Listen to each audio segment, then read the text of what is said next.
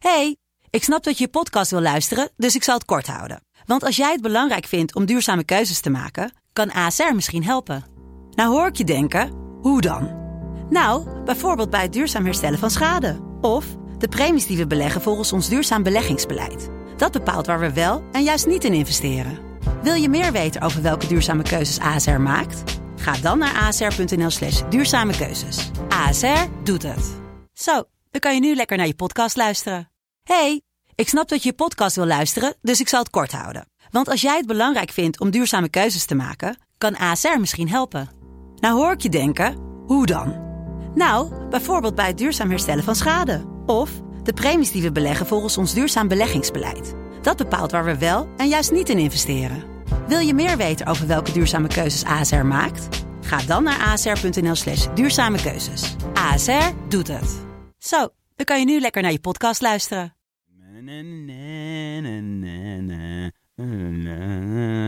Hey, oh, so- oh, sorry. Waren jullie daar al? Sorry, ik was even eh, aan het zingen. Mm, ehm, sorry. Dames en heren, ehm, de revolutie. Ik vergeet de hele tijd. Ik vergeet het over de revolutie. Maar is nog steeds aan de gang.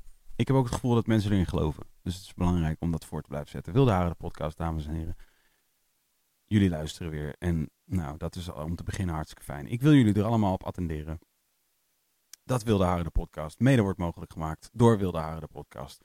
Hoe dan? Nou, we maken bijvoorbeeld prachtige mooie capuchontruien van Wilde Haren, de podcast. En die kunt u kopen. En als u die koopt, dan support u ons. Stuur een mailtje naar rampenplantwan.wildeharendepodcast.nl Dat is rampenplantwan.wildeharendepodcast.nl En eh, dan zeg je, hey Twan, ik wil graag zo'n capuchon trui kopen. En dan zegt Twan, oké cool, eh, is eh, zo duur. En welke maat heb je? Nou, deze maat. Oh, Bang! Next thing you know, you're wearing an exclusive Will Harry hooded sweater. Een boertje laten. Sorry, heel onsmakelijk. Ik hoop niet dat je zit te eten. Eet smakelijk wel. Ehm, dat kun je doen. Dezelfde manier kun je ook een eh, t-shirt kopen. Bestaat ook nog steeds. Ehm, prachtig ontwerp van een uh, Brein Elstak. Exact dezelfde wijze als dat je de trui eh, koopt, kun je dus ook het t-shirt kopen. Daarnaast kun je ook nog eh, patron worden. Dat kan op eh, www.patreon.com slash podcast. Daar kun jij een bijdrage aan ons ehm, doen toekomen voor elke aflevering die wij maken. En dat wordt enorm gewaardeerd aan deze kant van eh, de podcast Realm. Omdat eh, het gewoon eh, ja, helpt voor ons, hè, Twan? Ik bedoel, ja, voor, we nu hebben we gewoon in principe niks. Gewoon, we verdienen gewoon niks. Ik bedoel, dat is toch ook niks? Dat is gewoon kut? Dat is kut. Nou. Dus het is leuk. Leuk, leuk als we gewoon wat verdienen. Het maakt ook niet, niet zoveel uit. Het kan ons niet zoveel schelen. Maar het is wel vet als het wel lukt, toch? Ja, dat is gewoon vet. Dat kun je ook doen. Je kunt ons ook supporten door ons ehm, te raten in de podcast-app, de iTunes podcast-app. Daar kun je ons bijvoorbeeld vijf sterren geven voor deze prachtige podcast. Daar kun je ook abonneren op deze prachtige podcast, zodat er elke keer een waarschuwing komt van... Yo, nieuwe Wilde Haren staat online, bro. Het is super intens. Go, eh, go check it out. Dat eh, kun je dus ook doen. Daarnaast kun je ons ook bijvoorbeeld nog volgen op YouTube. Dat is youtube.com slash de podcast. Op Instagram, dat is instagram.com slash de podcast. En op Twitter, dat is twitter.com slash de pc. Dus dat is net een klein beetje anders. Ik zit niet meer op Twitter. Of tenminste, ik heb mijn account verwijderd van mijn telefoon. Oh, waarom dan? Nou, dat treft. We hebben het over gehad in de podcast met professor Marjolein Anteunis. Zij is professor in communicatie en technologie aan de Universiteit van Tilburg en weet alles wat je moet weten over sociale media. En wij dachten, nou, dat is dan op zich wel lachen om een keertje over te praten, dames en heren. De revolutie zet door. Veel plezier met luisteren.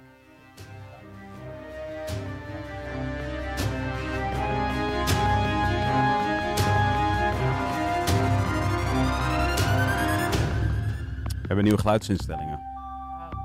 Dat is heftig, hè? Ja, zeg. Ja, het- ik moet er dus ook heel erg aan wennen. Want eh, het klinkt ineens allemaal heel anders, maar het is Twan zijn schuld. Ja, Twan. Altijd Ik, Twan. ja, ik probeer altijd deze podcast te beginnen met een beschuldiging naar Twan. Is goed. Het- je kunt niet met het geluid pielen terwijl we aan het praten zijn. Ik, toch? eh, ik heb hem even teruggezet naar de ander, want dat ging niet zo heel goed. Oh, nou fijn, dankjewel. Dan zet ik wel. Communicatie en technologie. Ja, Ja, het is een ding. Het is een ding. Hoe, hoe, Oké, ik heb een heleboel vragen. Ja. We hebben je uitgenodigd omdat eh, wij erachter zijn gekomen dat jij allerlei dingen weet van social media. Klopt. En nu vraag ik me als eerste af, hoe ben je gekomen tot een interesse in daarin überhaupt? Nou, dat is puur toeval. Mm. Eh, ik denk dat ehm, eh, ik heb ooit besloten dat ik wilde gaan promoveren. En toen eh, was er een positie vrij die ging over jongeren en de effecten van internet. Mhm. En toen was net een beetje MSN heel hot. Oké, dus dan hebben we het over... 2005 ja, precies. ja. En toen dacht ik, nou, dat internet vind ik wel leuk. Jongeren, mwah, maakt me niet zo heel veel uit. Maar, en toen heb ik gesolliciteerd en daar ben ik het geworden. En zodoende ben ik gestart onderzoek te doen eh, naar dat onderwerp. En nu vind ik het natuurlijk wel... eh, nu zou ik niet meer zonder kunnen. Nee, is dat zo? Ja. Ben, je, ben je helemaal soort... eh, Ben je helemaal nu in dat web van social media, als in ook dat dat, dat, dat een goed deel van je hoofd consumeert, van je, van je denk... Van, onderzoek, van mijn onderzoekshoofd wel. Ja, ja, ja, het is niet dat ik zelf super actief ben op social media en dat ik daar dat- helemaal voor leef. Maar als onderzoeksonderwerp en hoe dat evolueert en ook hoe we ermee omgaan en dingen die gebeuren, die maakt dat we nu dingen anders doen dan we ze vroeger deden. Ja, Ja. vind ik echt super interessant. Wat zou je zeggen dat de, de soort belangrijkste evolutie is? sin- Want laat ik zeggen, internet aan zich was de belangrijkste evolutie natuurlijk. Als in dat was de eerste keer dat we op die manier kon communiceren met elkaar. Eh, op die schaal. En dan was er, maar sinds MSN, dus zo sinds 2005, wat zou je zeggen dat de belangrijkste ontwikkeling is geweest sinds toen? Sinds toen is eigenlijk de, de manier van communiceren met, eh, met ons netwerk, dat die eigenlijk veel... ehm, ik ben nu ook weer, hoor Ja, ik mezelf ook weer slecht. Ja, ik ook, eh Twan. Er is weer Ik iets gebeurd met. Marjolein. En nu is het weer goed. Ja. Ja, sorry. Nu is het oké. Eh, is eigenlijk dat we ehm, veel makkelijker met ons netwerk kunnen communiceren. Ja. Dus eh, vo- voorheen eh, was dat alleen face-to-face of telefoon. En dat kostte veel geld, dat kostte moeite. En je kon niet altijd iedereen bellen. En eigenlijk door internet kon het ineens wel. En niet alleen van Amersfoort naar Tilburg, maar ook van Amersfoort naar de Verenigde Staten. Ja. Ja, je netwerk eigenlijk kwam dichterbij. En dat is denk ik heel erg veranderd toen. Eh, en eigenlijk heel recent, of ja, recent, nu weer al eh, sinds 2000, eh, nou, zeg maar een beetje 2010 ongeveer, waarin de mobilisatie en de, de opkomst van de smartphone, is dat in de stroomversnelling geraakt. Nu Ja. hebben we echt letterlijk ons netwerk bij ons. Ik heb hem nu toevallig in mijn tas zitten, maar anders heb je hem in je broekzak zitten. ja. En ben je dus altijd bereikbaar en kan je anderen altijd bereiken. Wat was het eerste, eh, wat, wat was het wat je ging doen dus in 2005? Dus jij, eh, wat, wat was de vraag? Wat was het? Nou, de vraag was eigenlijk of we anders communiceerden via MSN, dus via chat zeg maar, dan eh, face-to-face. Oké, Ja, dat, is, dat zijn mijn eerste studies geweest. En die zijn eigenlijk nog steeds heel relevant, omdat we nu, WhatsApp is eigenlijk het MSN van toen. Alleen via een mobiele telefoon. Ja. Maar voornamelijk communiceren we met tekst. En Ja. dat maakt de communicatie een stuk anders dan face-to-face. ja. Ik heb laatst een heel gesprek gehoord over eh, Twitter. Een van de eh, uitvinders van Twitter, die dus ook vertelde dat ze op het idee waren gekomen door eigenlijk de, de status in het MSN-balkje, waar je kon zeggen, ik ben even weg. En, eh, en op hij heeft, die uitvinder die vertelde van, of, van ja, op een gegeven moment gingen mensen daar creatief mee worden. Dus dan zeiden ze even naar de, naar de wc. Of vandaag heb ik een goede dag. Of ik luister nu dit liedje. En toen waren ze eigenlijk op het idee gekomen van hey, dat is eigenlijk heel interessant. Mensen zetten in één zinnetje hun, eh, hun, hun current mood, zeg maar, Ja. eh. Wist je dat? Ja, dat wist ik. En dat is eigenlijk, dat, dat eh, voedt eigenlijk een menselijke behoefte eigenlijk die we hebben in een face-to-face communicatie, waarin we heel makkelijk kunnen afstemmen. Ehm, op het moment dat ik nu eh, gebeld word, het zou raar zijn, maar en ik neem op, dan weet jij meteen dat ik onbereikbaar ben. Eh, dat weet je niet als je aan het chatten bent met Nee. iemand. Je weet ook niet wat iemands stemming is, want je ziet iemand niet. Dus dat Ja. soort kleine cues, noemen we dat dan, die geven eigenlijk zo'n brokje informatie weer, wat maakt dat het meer gaat lijken op face-to-face communicatie Ja. dan, eh, dan online communicatie. Wat waren je bevindingen toen? Eh, nou, in ieder geval dat we eigenlijk, eh, het ging vooral over kennismaken. Dus dat mensen die elkaar niet, leerden, niet kenden en leren kennen via ofwel chat ofwel face-to-face. Dat de mensen die elkaar leren kennen via chat elkaar aardiger vonden. dan Oh, face-to-face. echt waar? Ja, ja. Als in- aardiger dan dat dezelfde mensen elkaar zouden vinden face-to-face? Of in het algemeen aardiger? In het algemeen vonden die groepen elkaar aardiger, scoorden dus hoger op die, op die variabelen dan eh, de groep in de face-to-face communicatie. Oké. En ehm, eh, ook de communicatie is anders en dat is deels ook een verklaring, zeg maar, eh, dat via chat eh stelden we meer vragen. Mhm. Eh, dat moet wel, want we zien de ander niet. Ja. Dus je gaat, begint eigenlijk met allerlei demografische gegevens die je wil weten. Hoe oud ben je? Eh, nou, ben je man, vrouw? Eh, waar kom je vandaan? Wat studeer je? Nou, allemaal dat soort dingen. Mhm. Ehm, Face-to-face doen we dat een stuk minder, omdat we hebben al meteen informatie. We zien al meteen hoe oud iemand is. We zien of iemand man, vrouw is. Ja. We leiden allerlei informatie af aan de kleding. Of het terecht is of niet, dat doet Ja. er niet toe. Maar dus daardoor gaan we al minder vragen stellen. En een ander heel belangrijk verschil is dat we online, dus via chat, eh, durven meer persoonlijke informatie te onthullen. Dus na die, eigenlijk die eh, demografische eh, fase, zeg maar, zag je dat vrij snel de gesprekken persoonlijker waren dan de face-to-face gesprekken. Dat is echt gewoon slap hoer. Het gaat eigenlijk nergens over. Terwijl via chat ging het al heel snel over iemand mee zat, eh, of iemand een relatie had, hoe dat ging, of iemand Mhm. single was, wel eens ging daten. Dus het ging al heel snel over persoonlijkere eh, onderwerpen dan, eh, dan face-to-face. En we denken dat dat ook een van de verklaringen is waarom mensen elkaar aardiger vinden via chat dan face-to-face. Nu gaat er wel bij mij meteen een stemmetje die, dat zegt ja.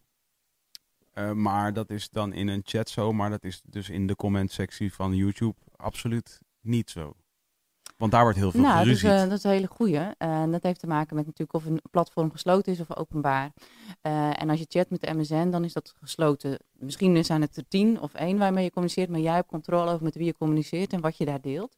Eh, en dat is natuurlijk via YouTube of via Instagram of Facebook niet zo. Hè? Mhm. Tenzij je via de messenger-functie, de private messenger-functie gaat communiceren. Maar anders, dat maakt heel erg uit. Dus mensen zijn dan onthullen niet per se meer dan in een face-to-face situatie.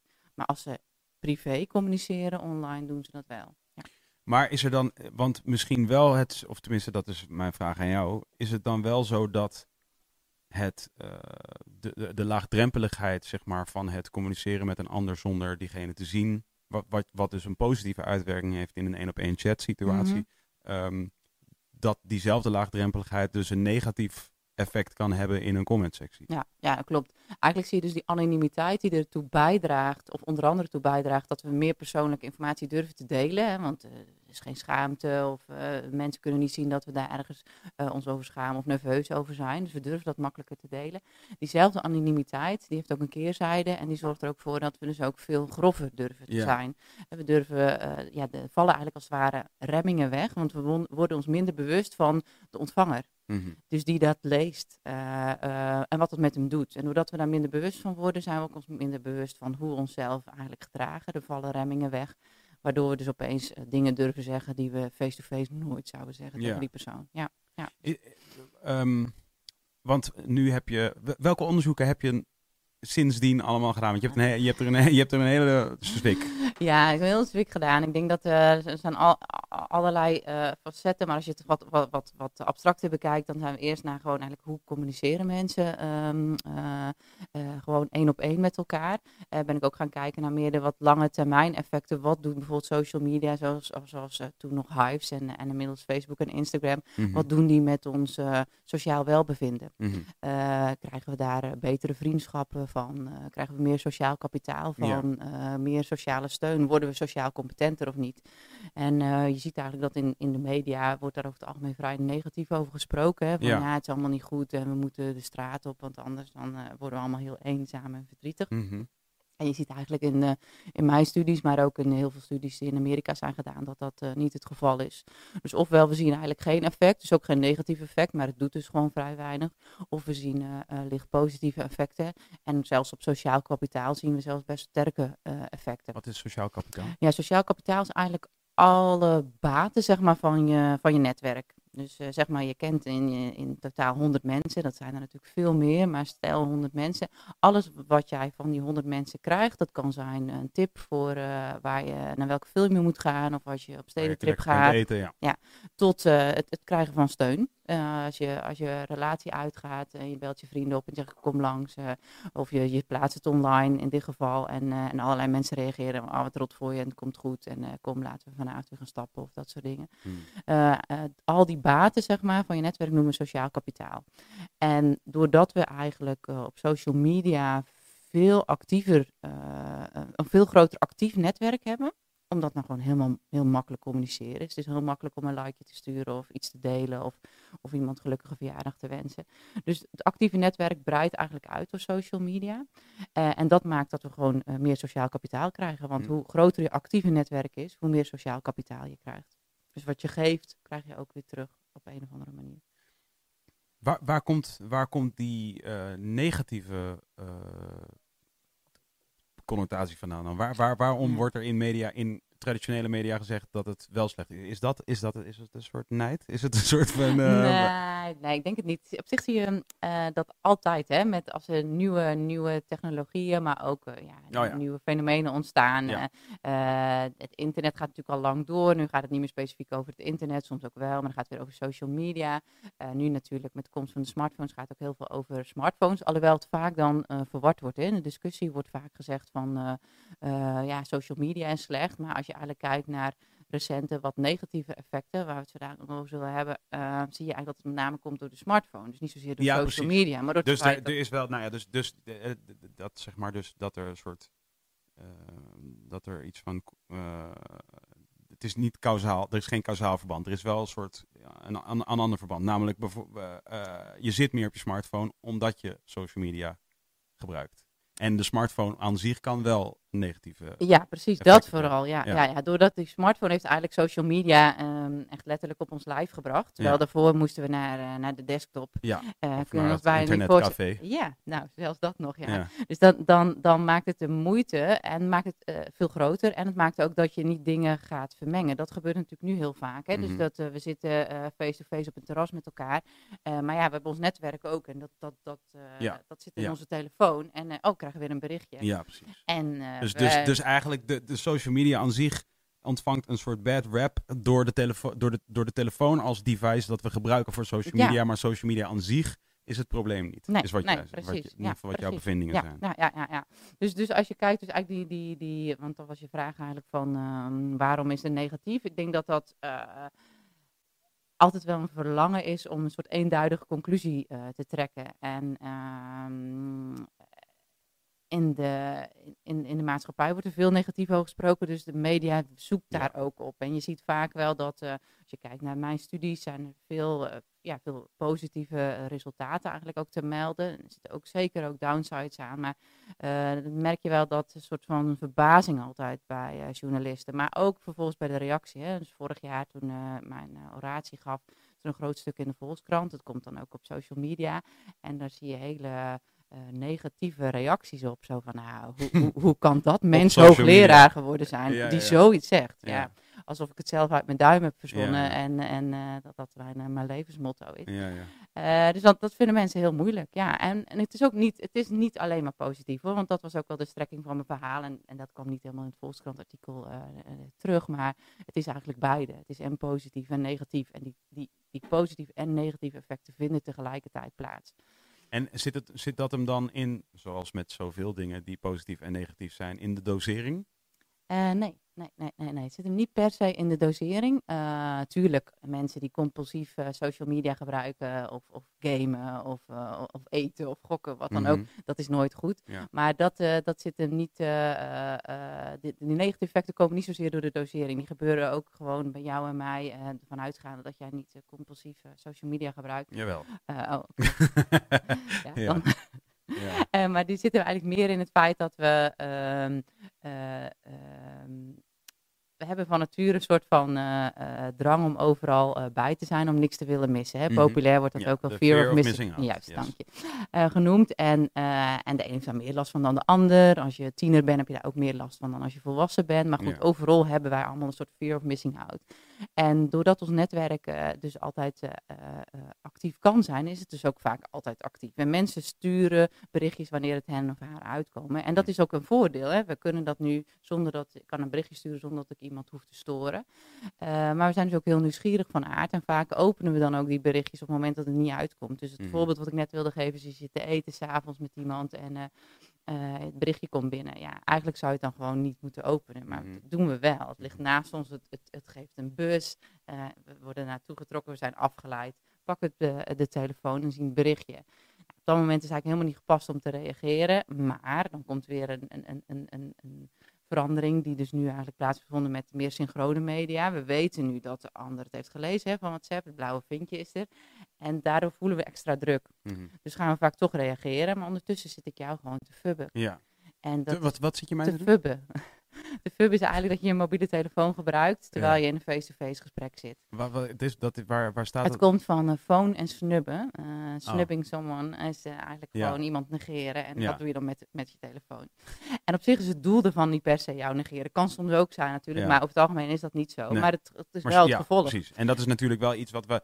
Zo van, ja, we doen het al wel op zich een x aantal miljoenen jaren als mensen zo dat we elkaar aankijken wanneer we er communiceren. En als je dat dus niet doet, dan wordt dat dus gezien als. Ja, ja, dus dat is ook een, een, een onderzoekslijn eh, eh, die je hebt gedaan. Is wat is de impact daarvan? Hè? Wat Ja. vinden we ervan eh, als eh, eh, de kwaliteit van ons face-to-face Ja. gesprek gaat dat ten koste die kwaliteit van dat ik zit te fubben? Ja, dat gaat het gesprek Ja. wordt, wordt eh, slechter van kwaliteit. Ik moet heel erg denken aan een gesprek dat wij eerder een keer hier hebben gehad met een.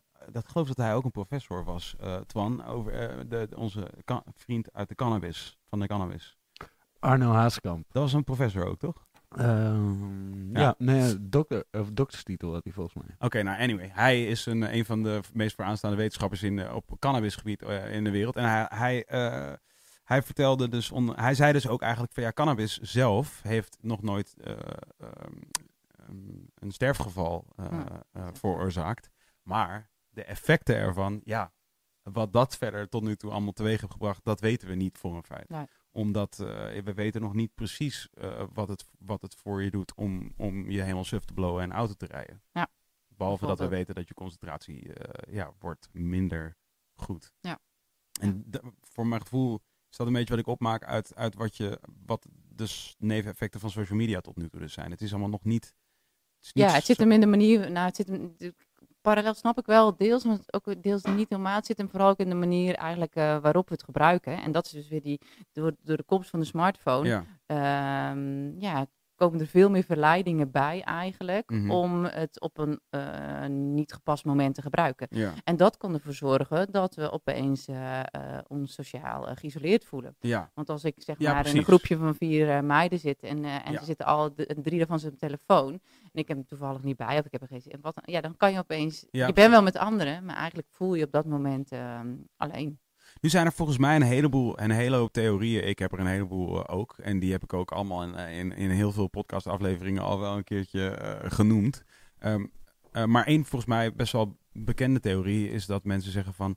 ehm, je, je hebt die, die gespleten persoonlijkheid. Dus je hebt je online persoonlijkheid en je hebt je offline persoonlijkheid. En als jij dus online heel populair bent, wat, en offline misschien niet... ehm, word je dat ook offline steeds minder en omdat het online eigenlijk een veel prettigere omgeving is voor je. Nee, ja, die deel ik niet helemaal. Ik denk dat er, ehm, eh, er zijn altijd eh, gevallen waarin dat zo is. Hè? Maar doorgaans zien we eigenlijk dat onze online persoon hetzelfde is als een offline persoon. Zijn altijd extreme gevallen, de catfish verhalen allemaal, waarin mensen zich eh, mannen voordoen als vrouwen en andersom en ja. eh, jong en oud. Dus, Maar- maar, Twan is dat. Twan doet dat. Oké, ja, ja. oké, ja, ja, ik dacht het al. En, maar doorgaans... Ook niet, doorgaans is, zijn we gewoon eigenlijk dezelfde persoon. Wat we wel zien is dat ehm, we hebben als persoon nou eenmaal meerdere multiple selves, noemen we het dan in het Engels. Mhm. en we zijn dus we laten een ander deel van onszelf zien op een ander moment. Ja. Dus als we eh, eh, Sporten, daar zijn we anders dan ja, waar dan als we jij eten uitgaat met onze eh, met partner. je oma Ja. of wat dan ook. Ja. Ehm, en online is dat wel wat lastiger, omdat je eigenlijk eh, eh, eh, je, je verschillende publieken die je normaal hebt, dus je oma of je partner of, eh, of de sportclub, eh versmelten nu makkelijk. Zeker met openbare social media, dus Ja. met Instagram en zo. Dus, dus dan merk je wel dat we een soort van eh, ja, moeite krijgen met wie, wel- welk deel van ons laten we, laten we zien, zeg maar. Ja, Ehm, dus dat is één. Een ander punt is dat je zegt van ja, dus mensen die dan online eh, eigenlijk succes hebben in bijvoorbeeld het maken van vrienden of sociale contacten, zullen dan daardoor nog eerder weggaan van de offline contacten. Dat eh, zien we doorgaans niet. We zien eigenlijk dat eh, een, eigenlijk een licht positief effect is op sociale competentie als we dat online, als we actiever zijn op social Mhm. media. Dus eh, dan zijn, vinden we het ook makkelijker om eh, face-to-face gesprekken aan te knopen. En die eh, positieve feedback die we op social media vaak krijgen, omdat we ons daar nou eenmaal positief presenteren, die zorgt vaak ook wel voor een, een toename in je zelfvertrouwen. Wat Hmm. ook weer een, een positieve impact heeft. en, dat, En, en dat, dat, dat, on- dat kan echt ontstaan op social media. Dus jij kunt als mens in theorie eh, sociaal niet, ja, niet per se incompetent, maar laat ik zeggen, de bepaalde competenties missen. mhm. Eh, en die kun je, zou je eventueel kunnen ontwikkelen op social media en, en die kunnen zich gaan vertalen naar jouw offline leven. Nou, nu, sta- nu zet je te zwart-wit. Dat is echt. Dus als je het helemaal nog niet hebt, dan zal het niet opeens komen door het gebruik Nee, maar stel je hebt dus- iets niet. Ja, Bijvoorbeeld, eh, stel dat je een ma- een man kan eigenlijk redelijk slecht communiceren met vrouwen bijvoorbeeld. Nou, dat Kan, het ja. online ineens ja. bijvoorbeeld wel, Ja. wint daar vertrouwen uit zeker, en kan het offline dan misschien ook helpen. Ja, makkelijker. ja, ja, absoluut. Ja, Dat is ja, wel- ja, dat is ja, wel goed ja, nieuws. Ja, ja, Het is niet dat je van helemaal niks naar alles gaat. Nee, nee, dat maar er zit, ja, ja, ja. Ja. dat is goed nieuws. Ja. Toch? Dat- ja, voor jou of het Twan? Of- Nou ja, nee, ik denk dat wij zijn allebei oké. Tot nu toe, denk ik. Zeker, niet, Twan, ben je oké eigenlijk? Ja, jij Ik ben bent- fucking ja, oké. Twan is super oké. ja, Ja. ja. Nee, ik ben ook oké, tot nu toe, gelukkig. En ehm, een andere is, ehm,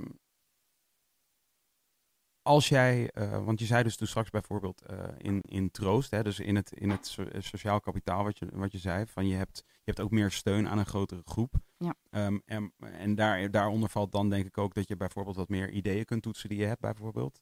Dat je, wanneer je, wanneer je, ik zit dan zelf in muziek, mensen kunnen bijvoorbeeld online iets laten horen en daar reactie op krijgen. En Ja. dat kan ze bijvoorbeeld sterken in dat het, het goed is wat ze hebben Ja. gedaan en dat ze er dus mee verder kunnen bijvoorbeeld. Ja. Ehm, of wat vinden jullie, hoe vinden jullie dat mijn haar zit of Ja. zo? Wat ook volgens mij regelmatig gedaan wordt. En dan kun je dus, eh, kun je dus kijken of, eh, daar kan je dan van op. Ehm, wat ik wel soms het, zelf het gevoel heb met troost bijvoorbeeld.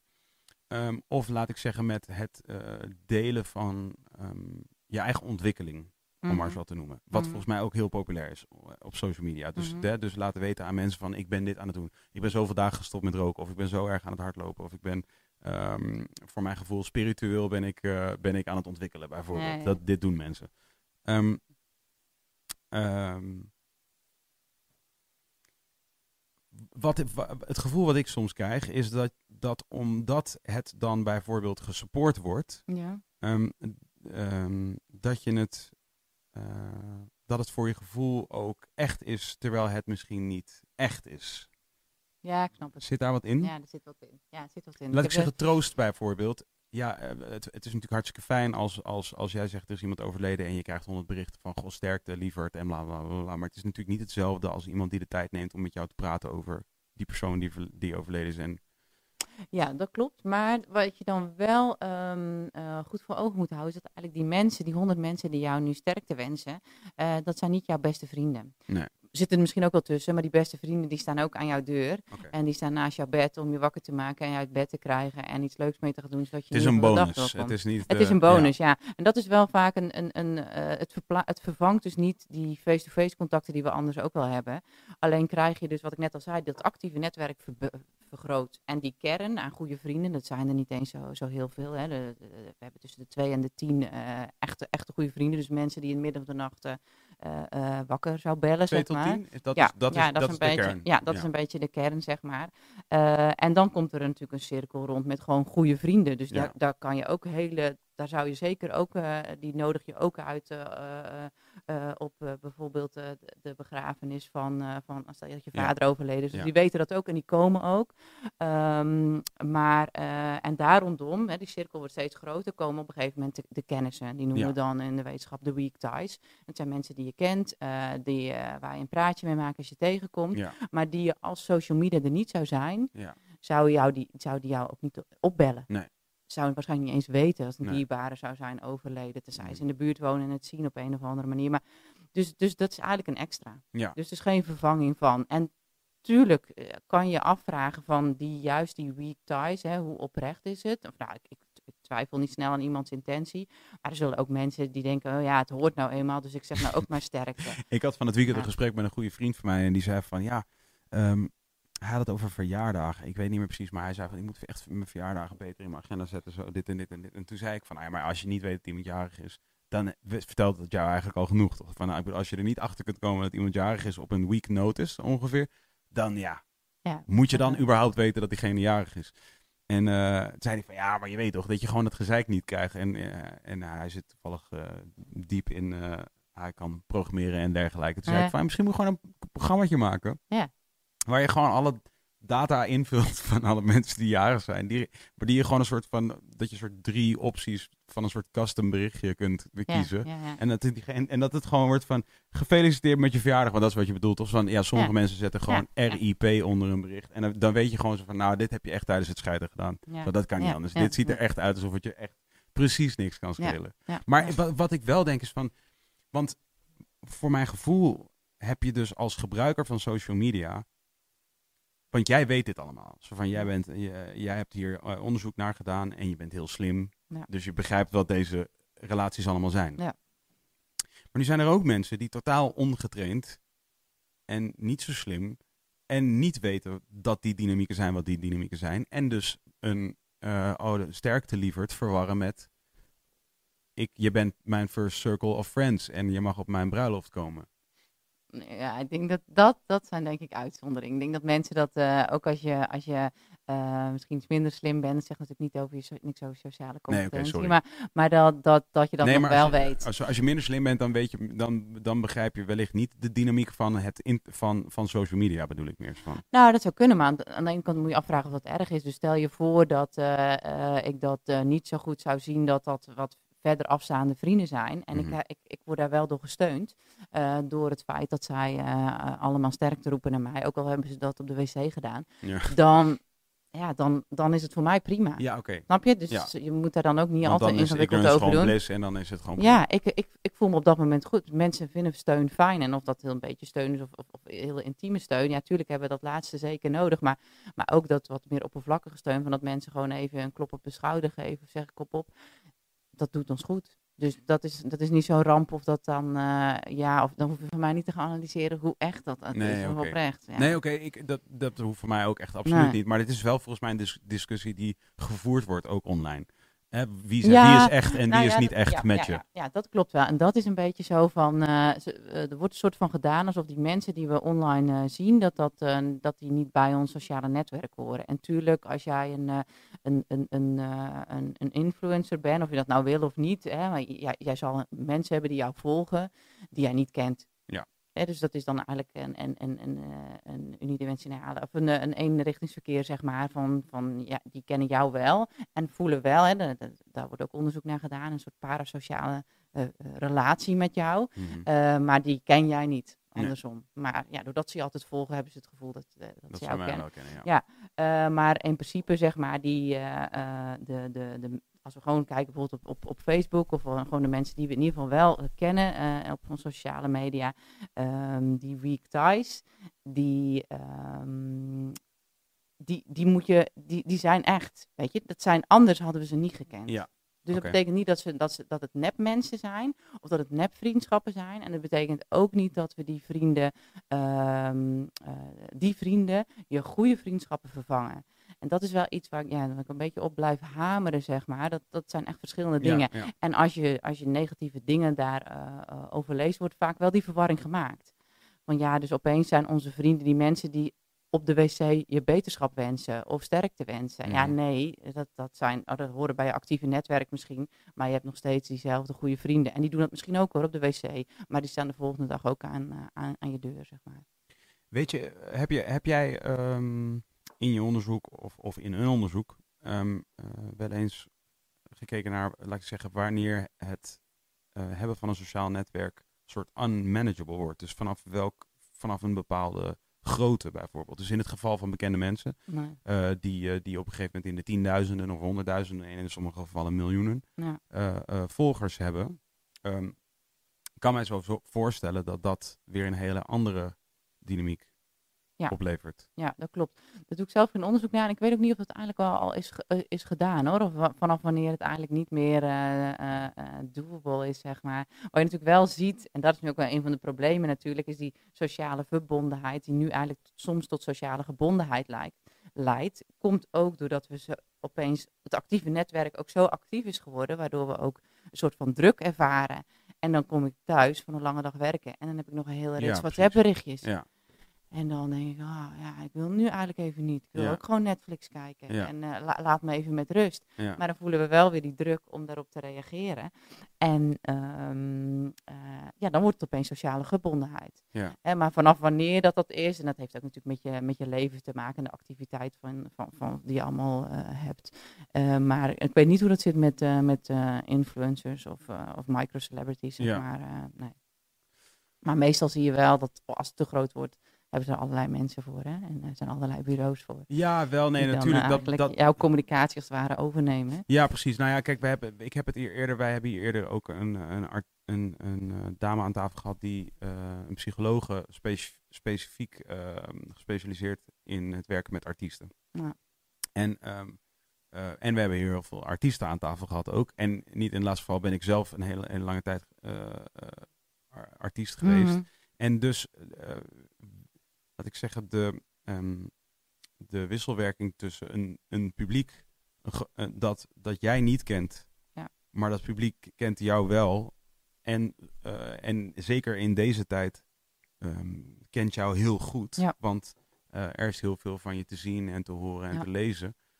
Ehm, ja, dat kan nog wel eens tot een ongezonde situatie leiden. Voor de persoon in kwestie natuurlijk. En met, met artiesten hebben we dit heel, heel vaak al Ja. gezien.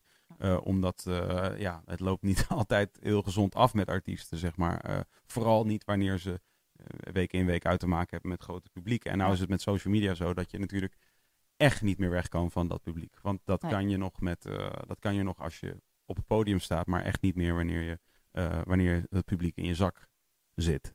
Klopt. En het is ook de druk, denk ik, van het publiek wordt daarin bewust, maar misschien ook veel onbewust groter. Omdat ehm, als je, ja, als we het hebben over de echte sterren hebben, de Beyoncé's, ja, dat, Ja. Dat, dat, die staan eigenlijk zo ver Ja, precies, af. ja. En, en, eh, Ja, dan wordt het ook je- weer eigenlijk bijna een soort van canvas. dat Ja, er ook niet. Precies, dan wordt het eigenlijk bijna gewoon massamedia, Ja, weet je wel, zoals de televisie is. En, maar als je, als je eh, eh, een, eh, een, een microcelebrity bent, om het dan zo even te omschrijven, dan, dan heb je, ehm, eh, en artiesten zijn eigenlijk, die zijn dan gewoon eigenlijk celebrities, maar dan heb je te maken met dat je vaak, eh, dat zie je nu eigenlijk met, met influencers, die communiceren eigenlijk heel erg over hun eigen leven. Die zie je, ze 's ochtends de hond uit gaan laten. Mhm. En als ze naar de kapper gaan. En ze, ze, ze, ze- ook al is het vaak natuurlijk heel gemaakt, er zitten er ook heel veel bureaus achter.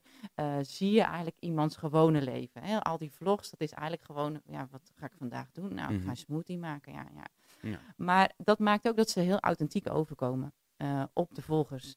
En dat maakt ook, het feit dat ze authentiek overkomen, maakt ook dat jij het gevoel dat jij die relatie met die persoon hebt, dus die parasociale relatie, wordt eigenlijk groter. De afstand voelt ontzettend eh, klein, zeg Ja, maar. Hè? Eh, en dat maakt ook wel dat dat soms ook meer druk geeft, omdat de, de, de, de volgers willen ook graag met jou communiceren. Want die denken dat het ook mogelijk is. We weten allemaal wel dat we niet met Beyoncé kunnen communiceren. Ja. En als er al iets gereageerd wordt op social media, is Ja, dat dan gewoon zij- management. Ja, precies. Maar dat verwachten we niet bij, bij, bij microcelebrities, Ja. zeg maar. Of celebrities die dichterbij staan. En dat kan wel heel veel druk geven bij, bij de persoon in kwestie. En de een voelt dat meer dan de ander. En een heeft er meer scheid aan dan de ander. Ja. Ehm, even kijken. Want jij, ik, had, ik vroeg eigenlijk op een gegeven moment waar, waar- wat voor onderzoeken je allemaal hebt gedaan. En eigenlijk was je er pas bij de eerste. Eh, ja, dus die sociaal kapitaal, klopt. ja. Ehm, eh, andere eh, eh, studie, eh, studies die we hebben gedaan, eigenlijk die, eh, dus die over die fubbing. Ik denk dat dat wel een heel belangrijk eh, eh, fenomeen is. En ook gekeken eigenlijk hoe, hoe eh, mensen daar eh, tegenover staan. Hè? Want we verwachten ook dat, eh, dat is ook, eh, je, vaak vinden voor oudere mensen fubbing heel asociaal. Ja. En eh, jongere mensen minder. Ja. wel, waarom? Ze zijn ermee opgegroeid, ze weten niet beter. En dat hebben we ook inderdaad onderzocht. En dat blijkt ook zo dat, eh, dat ja, eh, oudere mensen hebben daar meer moeite mee. Eh, die vinden het onbeleefd. Eh, terwijl jongeren, eh, ze, ze keuren het wel af, maar eh, hebben er een stuk minder last van eh, dan, eh, dan ouderen. Eh, en dat zie je dus ook dat de, de gesprekken, de kwaliteit van de gesprekken worden wel minder. Maar het feit dat jij zit te fubben, maakt niet dat ik jou eh, minder aardig vind. In ieder geval op korte Mhm. termijn niet. Ik denk wel dat het op lange termijn wel zo is. En ik denk dat het ook zeker wel, eh, maar daar heb ik nog geen onderzoek naar gedaan, maar eh, veel impact kan hebben op relaties. Ja, dat wilde, ik nog, dat wilde ik zeggen. Ja. ja. Want zeker als je constant het gevoel hebt dat je genegeerd wordt door je partner, omdat diegene de hele tijd op de telefoon Ja. zit. Ja, precies. Ja, ik denk dat dat, dat voor heel veel mensen is dat heel herkenbaar. Eh, en we weten ook wel vanuit studies uit Amerika dat dat partnerfubbing wordt het dan genoemd. Dus dat een, een, grote negatieve impact heeft op de tevredenheid over de relatie. Ja. Eh, en heeft onder andere inderdaad te maken met het feit dat je je voelt je buitengesloten. Dat is niet eh, eh, letterlijk zo, fysiek niet zo. Maar die ander zit wel in zijn eigen wereld op dat moment. En of die nou de hele tijd sportuitslagen zit te bekijken of met een ander zit te, te ouwehoeren, ja. dat maakt dan niet eens zo heel veel uit. Ja, want het is, ik kan mij ook voorstellen dat het in, eh, bijvoorbeeld in relaties, ehm, het feit dat je weet dat, eh, dat, je, dat, dat iemand online bijvoorbeeld heel eh, chatty is, ehm, eh, dat je dan ook een beetje de intimiteit van de relatie die jij met iemand anders hebt, ehm, dat het daar ten koste van kan gaan. Dat je het gevoel hebt van ja, oké, maar als jij de hele tijd met iedereen aan het praten bent, Ja, dan, dan, weet, dan weet eigenlijk heel veel mensen weten nu eh, ja, van alles over jou, wat, wat, wat voor mijn Ja. gevoel alleen mijn informatie zou moeten zijn. ja, Ik, moet, ik moet ook de hele tijd, dat kan ik ook niet zo doen, dan ben, daar, daar ben jij waarschijnlijk eh, ook slachtoffer van geworden, maar ik moet de hele tijd aan Black Mirror denken, de serie. Ja, ik heb niet gezien. Heb je nog eh, nooit een Black Mirror aflevering nee, gekeken? en eigenlijk is dat, weet je, als ik dan eindelijk thuis ben, dan wil ik gewoon een Netflixen. En dan wil Ja, dus eh, dat staat op Netflix. Ja, weet ik, maar niet met mijn werk bezig zijn. En dat is het wel. Eh. Dan ehm, eh, de film over de social network van destijds over, Ja. over- ook niet gezien. Mm. Dan denk ik, nee, nu even niet. Heb je We Are Legion gezien? Nee, Ook niet nee, nee. Eh, nee. eh, nee, ik kan me dit echt enorm goed voorstellen overigens. hoor. Ja, want ik even vermijd ook muziek, Ja. over het algemeen. Maar, maar ehm, Ik kan dan niet er naar kijken en niet al aan allerlei studies denken. Of soms word ik dan ook een beetje geïrriteerd. Dan denk ik, ja, dit, wordt- dat wordt wel heel eenzijdig ja, neergezet. Of zo is het, het is heel anders. Of dat je dan denkt, oh, dat is eigenlijk ook wel interessant. Daar moet ik ook wel een studie naar doen. Of, dat gaat dan toch lopen, Ja. dat radertje, en dat wil je dan niet. Nou, volgens mij is een van de meest populaire afleveringen van Black Mirror. En het kan ook zijn omdat ik die zelf gewoon heel interessant vond en dat ik er veel over heb gehad. Maar ik heb in ieder geval vaak mensen erover gehoord. Het is een aflevering eh, waarin een dame. Spoiler alert, maar je was het toch niet van plan. Nee.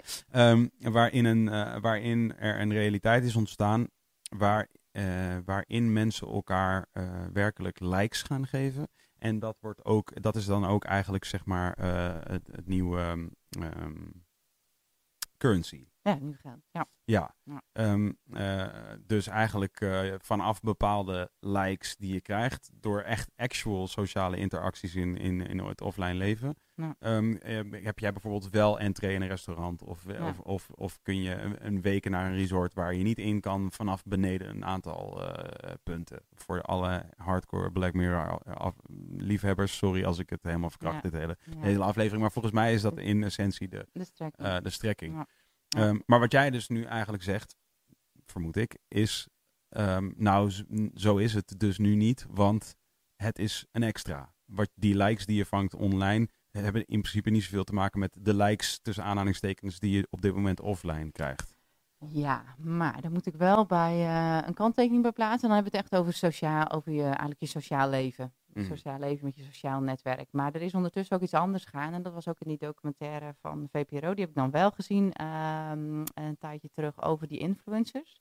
ben ik even de, de naam van de documentaire eh, kwijt. En eh, dat het begint nu wel echt gewoon een soort van currency eigenlijk te worden. Hè? Dus Ja. Hoe populair jij bent, maakt eigenlijk, bepaalt jouw marktwaarde. Ja.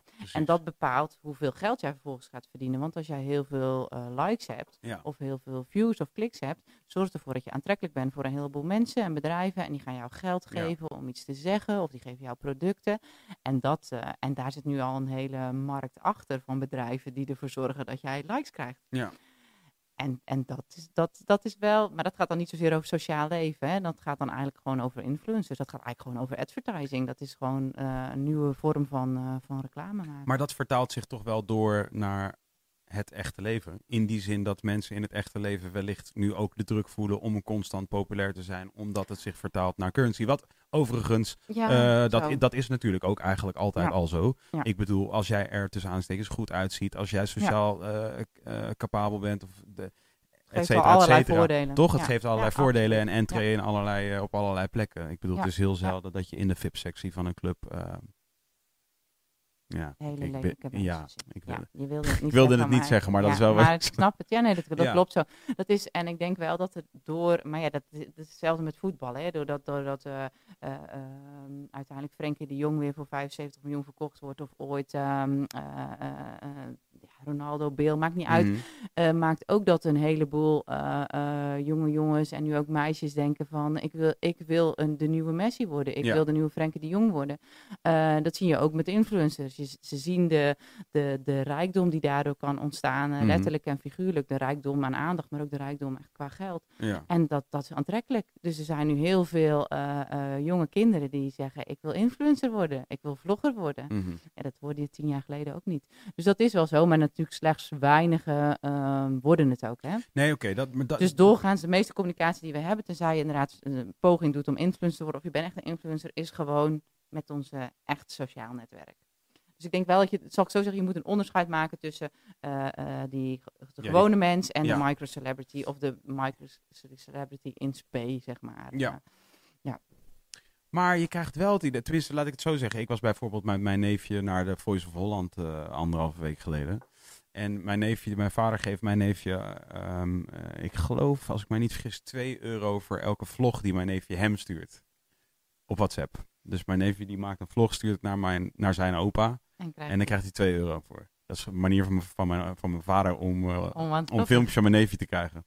En eh, dat is wat super schattig is. Ja. En, ehm, eh, maar dan zit ik dus naast hem op de tribune van de Voice of Holland. En dus ineens zegt hij, eh, hij heeft zijn telefoon dus eh, voor zijn gezicht. En dan zegt hij, eh, nou, eh, speciale versie, we zijn op een hele speciale locatie. We zijn op, klik, draait dat beeldscherm om, de Voice of Holland. En, en ik weet niet meer, nou, echt gewoon, echt gewoon alsof hij het, het, voor mij klonk het alsof hij het deed. Alsof hij het Ja, gewoon ja, echt gewoon actually kan. ja. En, ehm, en hij is tien, dus op zich ook niet een leeftijd. Het is ook niet een hele gekke leeftijd om dat soort dingen te gaan ontdekken en ook te gaan, te gaan doen. Alleen ik dacht wel bij mezelf van, het is wel heel lijp het gevoel dat je, toen ik tien was, was denk ik dus de groep mensen met wie ik eh, communiceerde, was highly manageable. Zo van, Ja. ik had mijn klas Ja. en dan had ik eh, in de klas een paar echte vriendjes en een paar in de buurt.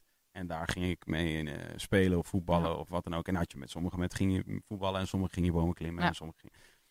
Maar dat was het wel echt. En, en deze kids, hun, hun communicatie, eh, hun, hun communicatie-savvy eh, wordt wel meteen enorm beproefd al op een jonge leeftijd. Van ze moeten al helemaal daar zijn. En Ja. ehm, nou ja, dat is natuurlijk een deel van een bredere discussie van in hoeverre eh, wordt, wordt de druk hoger voor hele jeugdige ehm, mensen om überhaupt zeg maar, die bepaalde prestaties al te leveren en al dat soort dingen. Nou, dat is wel, dat, dat, dat, dat is zeker waar hoor. Dat is enorm toegenomen. Eigenlijk de, de, ja, de, de, de, de druk, zeg maar, om eh, zichtbaar te zijn om, en om populair te zijn. Ja. Kijk, dat is altijd, we willen altijd populair zijn, Ja. we willen altijd zichtbaar zijn. Alleen precies wat jij zegt, de, de, vroeger waren de middelen daarvoor een stuk beperkter. Ja, En werden we ook een stuk minder met dat soort, met anderen geconfronteerd. Dus je zit wel in je eigen cirkel en daarvan wist je wel wie er populair was en niet. En, en, en, en je had geluk als je populair was en anders als het een beetje was, dan ging je proberen het nog meer te zijn. Eh, maar wat er, er rondom allemaal gebeurde, eh, dat ze- zag je niet. Dus Mhm. je wereld was gewoon veel kleiner. En nu is dat wel. Dus het feit dat jouw neefje dat zo goed kan, ja, dat komt ook omdat hij niks anders doet dan op YouTube. Van dat soort filmpjes kijken van Ja. allemaal andere vloggers. Mhm. Dus ze weten precies al op die leeftijd hoe ze dat moeten doen. Het zijn gewoon allemaal eh, Martijn Krabbe, zeg maar, als ze tien zijn. Ja. Maar maar ehm, ook de, de gevolgen daarvan en, en, de, en de mogelijke ja, drang zeg maar, naar, eh, naar aandacht, ja, dat, dat, dat is denk ik wel toegenomen. Omdat er gewoon meer mogelijk is. Er gebeurt meer, ze zien meer. Eh, ja, eh, en zo knol was eerst ook maar gewoon. En toen opeens was hij hartstikke populair door gewoon te zijn en te vloggen. Nou, No, ja, dan no kan ik dat hoor, ook. Enzo Knol. Je was ook leuk toen je nog niet vlogt. Oké, ja, Hij ik, kijkt ik, wel. ken, oké, Nee. ik ken hem niet. Maar, Maar ik bedoel, dus, dat, dat, dat- dus het, het, ligt- het voelt opeens, kijk, dat, dat, we, dat we niet met z'n allen een Beyoncé kunnen worden, is voor ons duidelijk. Maar ja, we kunnen wel allemaal een Enzo Knol worden. En dat bedoel ik ook niet onaardig een Enzo Knol. Maar het kan allemaal nog. ja, Zo knols. Misschien moeten we het nu over iets anders hebben. Nou ja, ik, ik, ik vind dat namelijk wel een interessant gegeven, omdat, eh, eh, kijk, als, als, als jij mij zegt, ehm, nou ja, dat, neg die, dat negatieve, die negatieve consequentie heeft het in principe niet. Maar ik heb dus even over mijn vader, dan nog even langer over mijn vader te hebben, dat doe, dat doe ik altijd graag. Ehm, ik had ooit een keer gesprek met hem, waarin, waarin we een beetje, eh, waarin we het, wij hadden het over social media, maar we hadden het ook over... eh, ja, dus die drang om eh, te connecten. Wat je dus inderdaad in, eh, wat jij net ook al zelf zegt, van dat heb je in het echte leven ook. En dat was dus ooit iets, iets minder eh, ingewikkeld dan het nu is. Ehm, eh, want je, had, je hebt natuurlijk ook, een, eh, je hebt nu bijvoorbeeld ook, de steden worden ook groter. Daar wordt, als, al had je geen social media, daar is sociale, het sociale leven ook ingewikkelder dan in een dorp Ja, met eh, 500 absoluut. mensen. Ja. Ehm, maar eh, eh, waar ik het met mijn vader toen over had, was dat hij zei van eigenlijk is het een soort, het lijkt een beetje een soort van toren van Babel verhaal te worden. Van eh, eh, eh, de communicatielijnen zijn, die zijn nu zo ehm, diffuus en je kunt eigenlijk met zoveel mensen tegelijk praten, dat we, dat we, dat er gaat heel veel verloren nu in de eh, vertaling eigenlijk. Soort, we bouwen een soort van heel groot netwerk op, ehm, maar, maar de echte waardevolle communicatie die je één op één kunt hebben. En dit kan zomaar een, eh, een theorie zijn van, van mijn mijn vader is eh 68 en ik ben 38, dus dit kan een theorie zijn van een, een, eh, een jonge oude man en een nog jongere oude man. Dat zou kunnen, want misschien is het wel zo dat iemand van 16 nu zegt van ja nee, dat is gewoon, dat heb ik helemaal niet. Ik heb hele fijne, hele belangrijke, ess- essentiële gesprekken, sociale contacten online. Ja, nou, ik denk dat je vader wel gelijk heeft. Ehm, Gelukkig dat wil zeggen, ja. Eh, dat wil zeggen dat er komt, er komt een, een, een, eh, de druk eh, op ons sociaal leven neemt toe. En dus ook de druk op onze goede vriendschappen, die we nog steeds veel aandacht geven. Die komen onder druk te staan, omdat er gewoon meer communicatie is Ja. met meer mensen. Ja. En, die, en ik kan me voorstellen, de drang die jij normaal gesproken had tot een goed gesprek. Eh, en dan moest je dus die persoon opzoeken om dat goede gesprek te hebben. Laat ik zeggen, als, als, als dat goede gesprek 100% is, kan je het nu vandaag de dag opdelen in 100 stukjes van 1%. En heb je gewoon een soort 1% gesprek met 100 mensen. Ja, maar dat is niet helemaal waar, want het is wel zo dat nu, nee, er wordt vaak dan gedacht in die soort van eh, replacement. Dus ja, oké, dus zeg dat je normaal gesproken twee uur had voor sociale contact op een dag. En Mhm. dan kan je dan inderdaad één keer een, een gesprek van twee uur, een goed gesprek van twee uur hebben.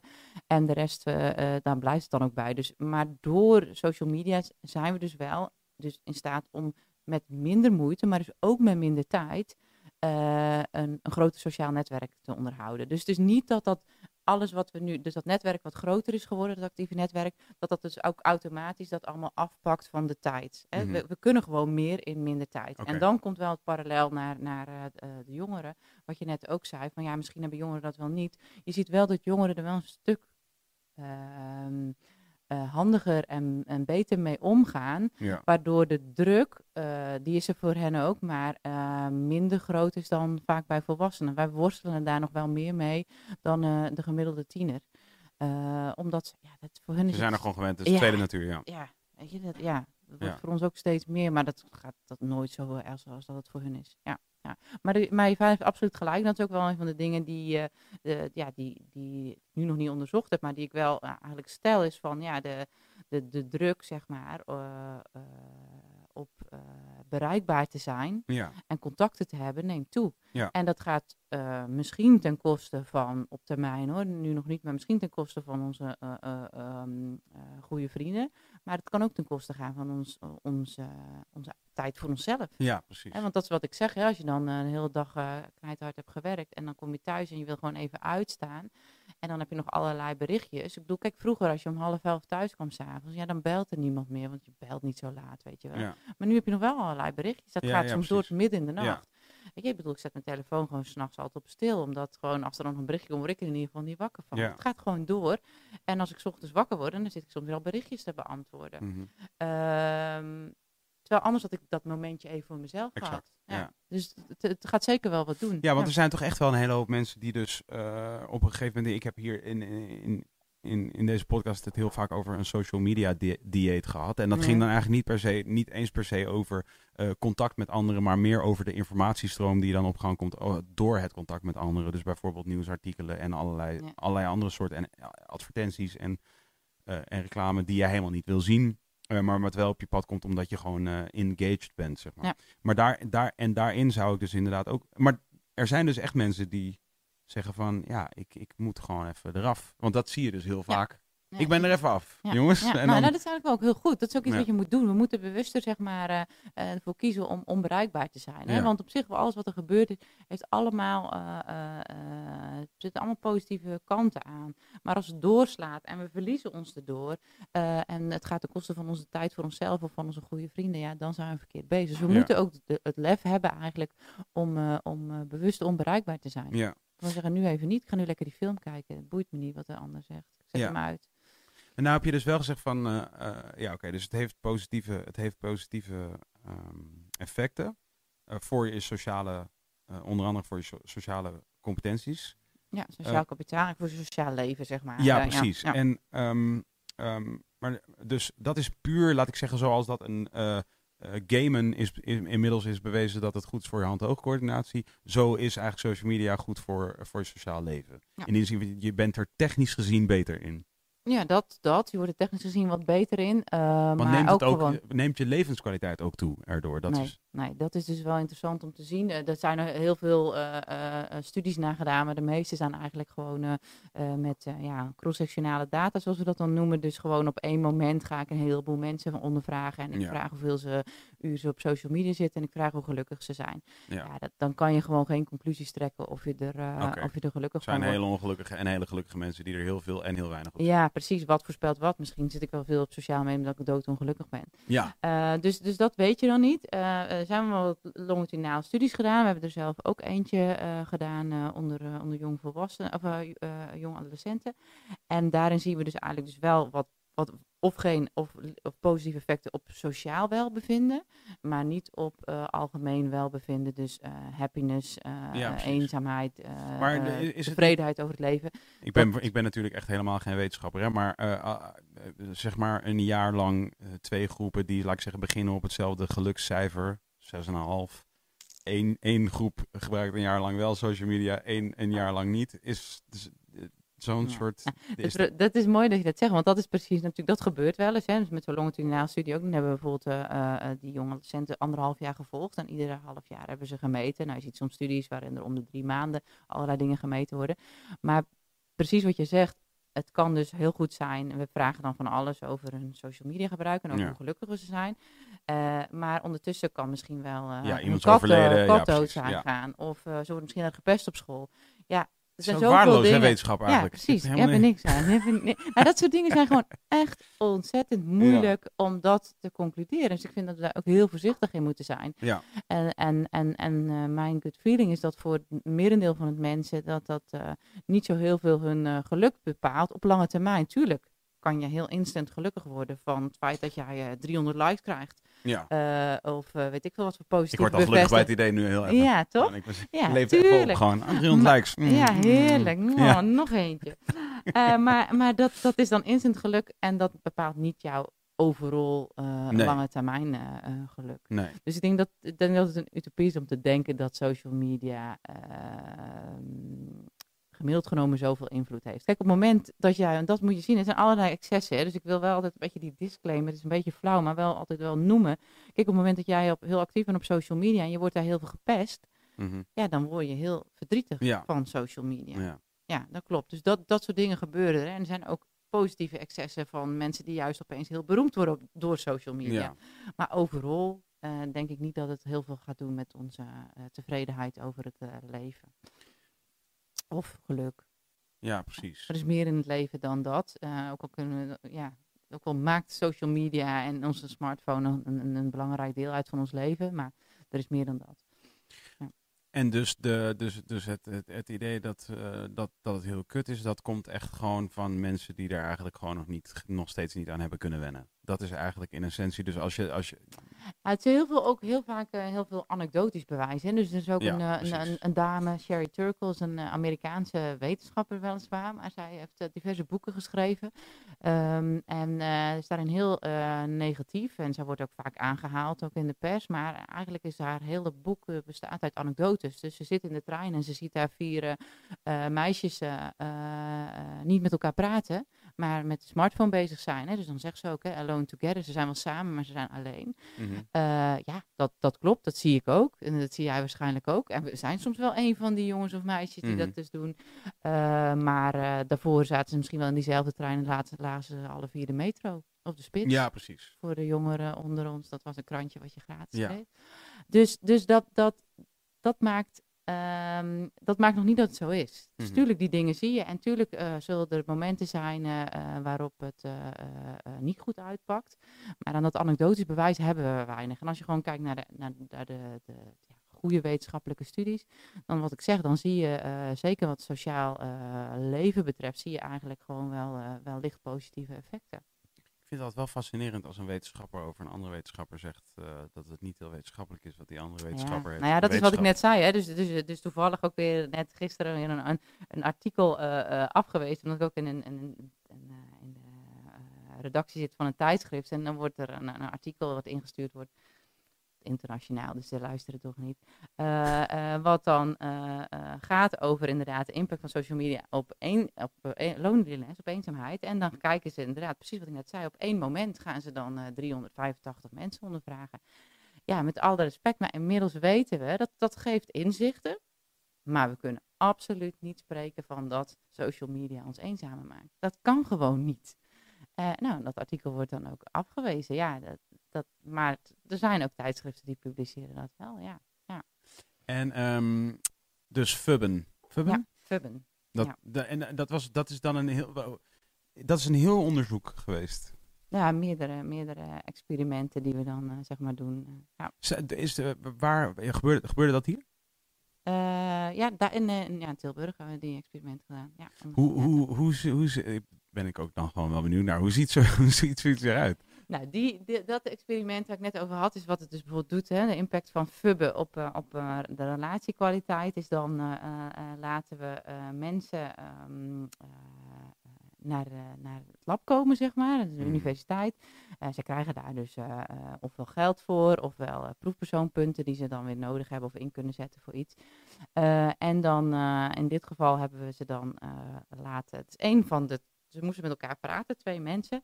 En een van die twee, want dat wist de ander niet, was, hoorde bij het experiment. En Mhm. dat was een confederate, zeg maar, die eh, maakte daar onderdeel uit van de, van de opzet. En eh, die had de eh, instructie gekregen, zeg maar, ehm, eh, dat op het moment dat er een licht, dus in jouw geval zou het licht dus achter mij branden, jij bent confederate, als dat brandt, dan moet je je telefoon pakken en moet je een berichtje sturen. Naar, of dan heb je een berichtje van, de, van, van ons gehad dan, en dan moet je op reageren. En dan hebben we ook vastgesteld hoe lang dat moet, dus dat iedereen het op dezelfde manier gedaan. Ehm, en dan hadden we ook een conditie waarbij het geluid wel aan stond, dus waarbij er een notificatie te horen is. Want dat is wel belangrijk, dat maakt wel uit. Op het moment dat we een, eh, een eh, notificatie krijgen, dus een bus horen bij de ander, zijn we wel ook milder daarover. Omdat we dan een soort van... Weten waar het vandaan komt. Ja, er komt iets. En ja, daar reageer je op. Stel als jij nu gebeld wordt eh, en dan neem je op. Ja, dan snap ik je. Ah, dus sociaal gezien kan ik beter al mijn, al mijn notificaties aan hebben staan Ja. dan uit. Ja, ja, ik heb ze allemaal uit namelijk. Ja, nou, dat snap ik ook. Voor je rust is dat beter, denk ik. Maar, maar inderdaad, sociaal opzicht wel. Want op het moment dat je het niet hoort En wij hadden natuurlijk die, die, die lamp, maar die zag, ik- die zag ik niet, zeg maar, hè, als, eh, als eh, proefpersoon. Dus ik denk dan gewoon, ja, ik ben waarschijnlijk niet interessant genoeg. Hij pakt gewoon zijn telefoon. Mhm. Nou, ook lekker interessant. Dus dan, dus, dus hadden we, dan hadden we dan op verschillende momenten. Dus tijdens die tien minuten dat gesprek werd er dan eh, twee keer werd, moesten ze een telefoon pakken en een berichtje sturen. Nou, en dan, hebben dus, en dan manipuleren we het of het geluid wel aanstaat of niet. Eh, en dan als het klaar is, moeten ze allerlei eh, vragen beantwoorden over het gesprek, over die andere persoon, hoe, aardig ze die vonden, over hoe beleefd ze de ander vonden. En dan zie je inderdaad dat het ja, niet als beleefd gezien wordt. Eh, het wordt wel als iets beleefder gezien op het moment dat we wel een, eh, notificatie aan hebben. Dus ik zou het wel aanzetten. Dan. Heb je het aanstaan? Nee, maar ik heb eigenlijk bijna nooit aanstaan. Met het gevolg dat ik dus heel veel gemiste oproepen heb. omdat ik mijn telefoon niet hoor. Dus ja. wel alsnog een heleboel vrienden Ja. die boos op je zijn. Dat, dat, Ja, dat heb je dan wel. waarschijnlijk Heb jij ze wel. aanstaan, eh, Twan? Die, eh, no- Nee, echt nooit. Ja, ja, zie je wel. Ja, ik word er ook heel onrustig van. Ik weet niet of dat bij Twan ook zo is, maar eh, Ja. Ja, Ja. zeker. ja. Ik, heb, ik heb niet eens, eh, ik heb zelfs op mijn WhatsApp niet dat ik kan zien hoeveel WhatsAppjes er aan de hand zijn geweest. Oh, dat is helemaal goed. Ik heb al, Ja. dat ook allemaal uit. Dus Ja. ik heb ook op uh, alle, alle, alle, alle rode, al die rode dingetjes die Ja. normaal aangaan op. WhatsApp of Facebook of Twitter of al dat heb ik ook allemaal uit. Dus ik zie helemaal niks totdat ik er zelf eh in ga. Wat ik wel alsnog dus heel veel doe. wou zeggen, want heb je dan niet veel fear of missing out dan? Ja, nou ja, dus mijn, ehm, mijn, eh, mijn, mijn eh, wer- eh, voor mijn werk is WhatsApp specifiek. Ik werk dus met heel veel ja, jeugd, jeugdigen in ieder geval, jonge volwassenen. En die, die weten niet beter dan WhatsApp. Dat is gewoon wat Ja. ze gebruiken. Ja. Dus ik krijg, ja, ik denk dat er, ik denk dat er op een dag, ik zo ru- wel rustig tussen de 30 en 50 appgesprekken Ja. aan de hand zijn, actief. Dus, dus ik weet dat er altijd, er is eigenlijk altijd een gesprek aan de hand. Ja. Dus ik kan altijd wel, met, ik kan altijd WhatsApp openen en dan, dan is het aan de hand. Maar het is dus, dus ik ga altijd een rondje af. Oh, je hebt Eigenlijk- gewoon een bewust communicatiemoment, eigenlijk. Dat je Ja, dan zeg ja. maar straks een uurtje dat bijwerkt. Of hoe bedoel ik met een rondje? Ja, nou, dat rondje. Dus, nou, laat ik zeggen, dus eh, mail, die heb ik ook namelijk niet. eh, die heb ik ook niet. Is, wat is eigenlijk allemaal social media? Is mail, is nee, mail? mail eigenlijk niet. Eigenlijk Nee? WhatsApp ook niet. Nee, want het Oh. idee van eh, social media is wel dat er dus eh, dat er een community is. eh, en dat die community jou kan, dingen die jij doet op social media kan zien. En natuurlijk kan je in groepsapps natuurlijk wel Ja. spreken van een community. Maar het is niet dat de ene groep, niet jouw hele netwerk, alle mensen die jouw WhatsApp hebben, kunnen al jouw WhatsApp berichten zien. Dus strikt genomen valt het niet onder social media, maar ja, we, we, we scharen het er wel heel vaak onder. Ja. Ja. En het- e-mail hoort er zeker niet onder. Ja, want ik, ik las namelijk in eh, ergens dat, dat gemiddeld genomen op de wereld of in Nederland zeven me- mensen hebben 7,6 social media.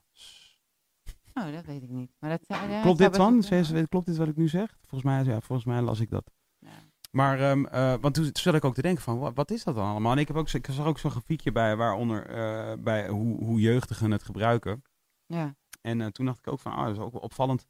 Dus WhatsApp stond bovenaan. En toen dacht ik Ja, dus klopt. ineens ook van, oh ja, WhatsApp is dan, eh, is dan Ja. dus, dat wordt dus gezien als sociaal. Maar nu zeg je eigenlijk, nou, dat is niet echt helemaal sociaal, want dat dus. ja, nou het is wel sociaal, maar het valt niet onder de definitie van sociale media. Als je hem heel sec pakt, dan, dan valt het er niet onder. Maar, ja. maar het klopt wel dat nu eigenlijk, eh, eh, recent hebben we ook een, onderzoek gedaan naar eh, de communicatiemiddelen die we nu gebruiken, zeg maar, in het dagelijks leven. Dus inderdaad op een gemiddelde dag. Eh, zoals jij beschrijft, van, dan heb ik al op zijn minst zoveel WhatsApp-gesprekken die gaande zijn. Ehm, en dan zien we dus dat we communiceren nog wel steeds het meest face-to-face, maar dat wordt echt op de voet gevolgd. Uit mijn hoofd, ik weet echt niet meer precies, maar 48% van onze gesprekken zijn face-to-face en 46,5% zijn via WhatsApp.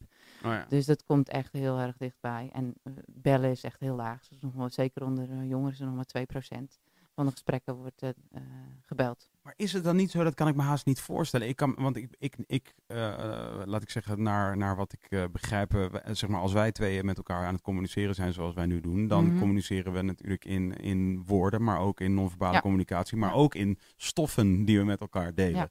Ja. Bijvoorbeeld. Wat je Ja. dus allemaal niet doet op, op sociale media niet, en ook niet in WhatsApp en ook niet in een telefoongesprek, zeg maar. Nee. En dus ik, en, en voor, kan mij zo voorstellen, nogmaals, ik ben geen wetenschapper, maar dit lijkt mij heel logisch, dat het, het, zeg maar deel van ons mens zijn het belangrijk is dat we dat dus doen met elkaar, die stoffen delen en die eh, blikken en die soort van eh, eh, whatever het is dat we met elkaar delen. Ja. Het zal vast iets aanmaken, ik Ja. weet niet wat, maar Ja. meestal is het of endorfine of het is, of het is een van die andere dingen die je aanmaakt als je je kamer opruimt. Maar in ieder geval, de, de, ik kan me voorstellen dat dat ook gebeurt met een, met een, met een, wanneer je al heb je een kleine interactie van een paar zinnen, dat het dan al eigenlijk gebeurt.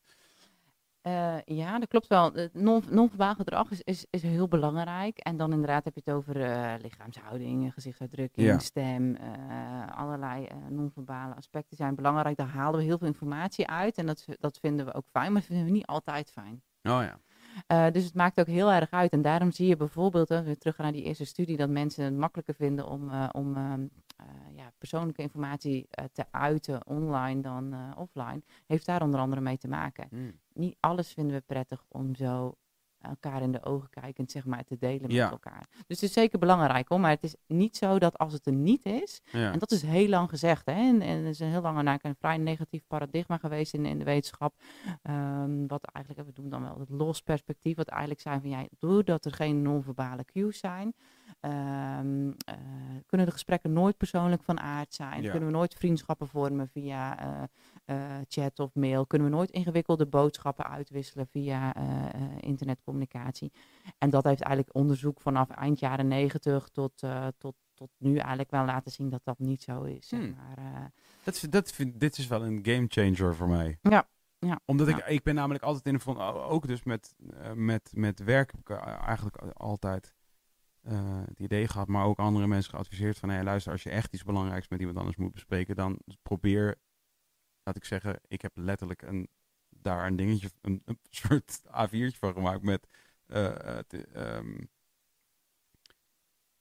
eh, een een een face-to-face gesprek is groter dan een mail. Een mail is groter dan een telefoongesprek. zo. een telefoongesprek is groter dan een WhatsApp-gesprek. Zeg oh, maar zo'n soort ding. groter dan telefoon? Ja, ik weet niet meer precies of ik die had omgedraaid. Ja, oké. Misschien had ik hem ook omgedraaid. Nou, volgens, de, volgens de Media Richards-theorie ehm, eh, is dat ook zo. Eh, en ik denk ook dat dat... eh, ja, ik denk dat we twee dingen door elkaar haalt. Dus het is aan enerzijds niet zo dat via chat of e-mail... dat we niet persoonlijk kunnen communiceren. Want dat kan wel degelijk. En Mhm. in sommige gevallen is het juist ook nog persoonlijker. Ja, omdat, Dat- je, omdat die drempel daar niet Ja, is. Ja, precies. Maar dat neemt niet weg dat er zitten weer allerlei andere eigenschappen aan face-to-face communicatie die prettig zijn. Bijvoorbeeld ook natuurlijk dat je elkaar kan aanraken. ja. En dat is natuurlijk niet alleen liefdesrelaties belangrijk, maar ook gewoon bij vrienden. Ja. Even een knuffel geven of een, een, klap op de schouder of eh, even in iemands arm knijpen. Eh, dat is ontzettend belangrijk en dat vinden we ook fijn. Maar het geeft ook een signaal dat je de tijd neemt voor iemand, alleen voor die persoon. Op het moment dat ik natuurlijk aan het whatsappen ben met vriendin, dan kan ik ondertussen aan het Netflixen zijn. Ik kan ondertussen mijn mail aan het bijwerken zijn. Mhm. Ik kan eh, eh, op de wc's, ik kan alles aan het doen Ja. zijn. Maar je, je, weet niet of die ander exclusieve aandacht heeft voor jou. En sterker nog, heel vaak heeft die ander niet exclusieve aandacht voor jou. Alleen al vanwege het feit dat ja, we nog tien andere dingen moeten doen. En dat dus ook kunnen doen. En dat is een face-to-face gesprek wel. In principe als je niet zit te fubben. ja. Hè, dus als je naar iemand toe gaat, dat je moeite voor iemand doet, eh, heeft ook allerlei waarden. Snap je? Dus het een sluit het ander niet uit. Dat wil ik wel zeggen. Dus ik denk dat face-to-face gesprekken zijn heel belangrijk. Maar dat neemt niet weg. En die moet ook zeker niet vervangen worden. Maar dat neemt niet weg dat we via eh, eh, internetcommunicatie ook niet intieme commu- communicatie kunnen hebben. ja. En dat wordt vaak gezegd dat dat niet kan. En dat is, dat is onzin. Ja, dat is wel... ehm, Ja, zeker is dit Ja. voor jou, ja. Een heleboel hier nog meer. Ja. Ehm, Willen jullie nog wat drinken? ja, ik ben Ja, lekker. wel lekker water aan het drinken. Ik wil misschien wel een koffietje. Ja, ik wil wel een koffietje. Ik heb nou even water, dank je. Nee, maar ja, dus, dus ehm, eh, eh, mijn mail. Ja, ik ga, mijn, ik ga mijn mail af. Ik ga naar mijn mail. En dan eigenlijk schakel ik het tussen mail en WhatsApp, basically. Dat is in, in, in grootste lijnen wat het is. Ik krijg geen sms'jes meer. Heel soms. Heel soms. Heel soms. Dan- ja, waarom heb- dat is, weet ik niet. Dan heb maar- ik ook altijd... Ja, Want daarna zie je dat iemand wel gewoon WhatsApp heeft. Dus soms om, Ja. onbekende krijg je dan een, een eh, sms'je en denk je, ja, je hebt hier nog geen WhatsApp.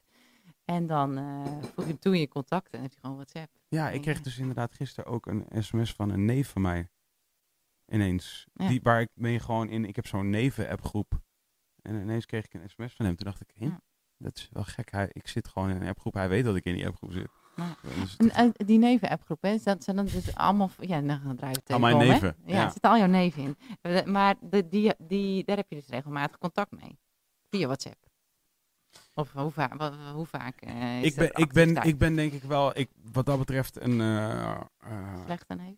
Nee, ik ben Oh. denk ik, ik ben, ja, misschien ben ik ook wel een slechte neef. Ik weet niet wat, ik weet niet wat een goede neef is. Ik ben denk ik wel een goede neef in die zin dat, dat als je me nodig hebt ergens voor, ben ik er gewoon wel. Dus in die zin ben ik een goede neef. Ja. Ik ben een slechte neef en een, überhaupt, misschien ook wel gewoon een slechte vriend, überhaupt, ook in appgroepen en zo, is dat ik dat, dat wat denk ik gebruikelijk de, eh, de cultuur een beetje is Ja. in appgroepen en dergelijke, dat ik daar ben ik niet zo van.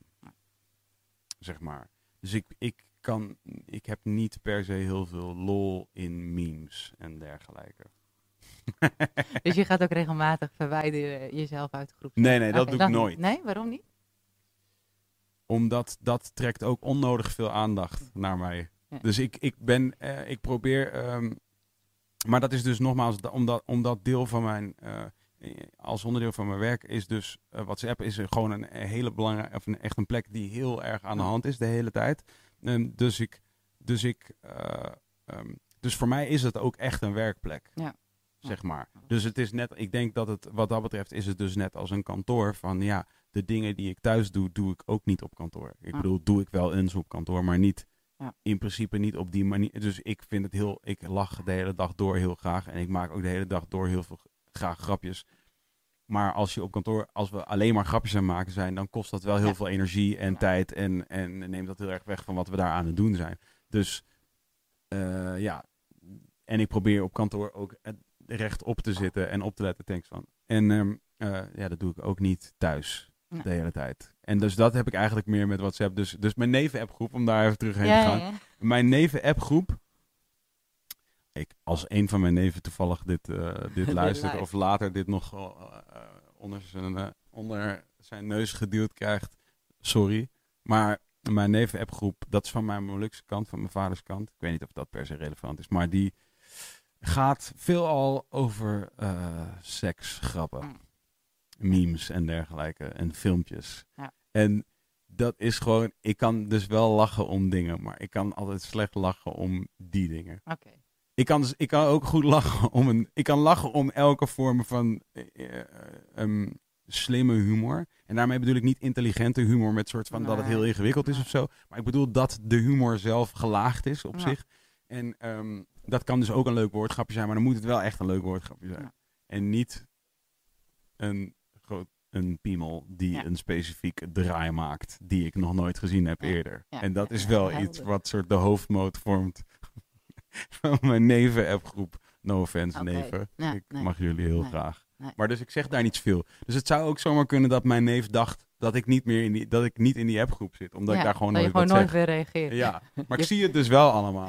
Ik ben wel dankzij hen erachter gekomen dat je dus kunt uitzetten dat alle shit die, die wordt gepost in een appgroep ook in je telefoon terechtkomt. Omdat het soms heel awkward was wanneer ik gewoon een foto aan iemand wilde laten zien. En Dat, ik dan eerst door piemel 70 piemels kwam. voorbij Ja, moest. ja. Ja. Zo van, oh, oh, sorry, het is mijn neven appgroep. Ja, ja, maakt niet uit. Ja, tuurlijk. ja, Uh-huh, ja, ja. dat, ja. Oké, nee, ik wilde een brug maken naar de groepsapp, maar dat is, dit is Oh, wat niet, dan? eh, Ik, nou, eh, het belang van de groepsapp. Oh, wat is het belang van de groepsapp? Is het, ja, nee, ik kan, nou, dit, dit is het het natuurlijk. voetbalteam? Is het, is het zoals je voetbalteam?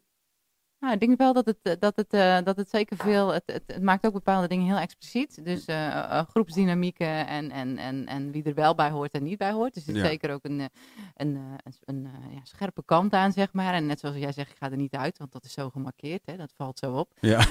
Dat klopt. Ehm, Ik heb ehm, overigens geen, sorry dat je onderbreekt, ik heb geen moeite ermee om mensen te laten weten dat ik iets irritant vind. Oké. Maar, zeg maar dat zou, als ik dat vind, dan laat ik gewoon in een groep bijvoorbeeld weten, eh, dit vind ik irritant. Of ik zeg dan van, hé hey jongens, dit was helemaal top, doei. En dan ga ik er gewoon uit. Ja, maar ik ga niet op een passief-agressieve Nee, manier uit appgroepen. Dat heb ik nog nooit Nee, gedaan in nee, mijn hele leven. Misschien doe ik het vanavond wel gewoon één keer Ja, per experiment. Ja, ja, is goed. Maar dat is dus, maakt het heel expliciet. Maar tegelijkertijd is er ook wel, ehm, eh, die groepsapp heeft er wel voor gezorgd. Vaak is de communicatie oppervlakkig. Ja. Het hoeft niet zo expliciet oppervlakkig te zijn zoals jij net noemt. Maar het gaat over, ja, eh, ja ik eh, ben nu in Amersfoort. Echt superleuke stad. Oh, ik ga nu even dit eten. Veel leuker of, eh, centrum dan ik dacht. Ja, nou, dat Ja. klopt wel, ja. Dat is Ja. De Amersfoort curse. Ja, oké. Ehm, maar ehm, eh, dus het is allemaal vrij oppervlakkig. Of eh, ja, ben je al thuis? Ja, ik ben al thuis. Oké, was het een leuke dag? Ja, was het een leuke dag. Ja, dat soort, maar, maar het zorgt eigenlijk wel voor dat we opeens wel met een, bepaalde groep ook nabij kunnen zijn. Ook al zijn we fysiek ver van elkaar verwijderd. Ja, Dus inderdaad, vaak met familie hoor je dat zo.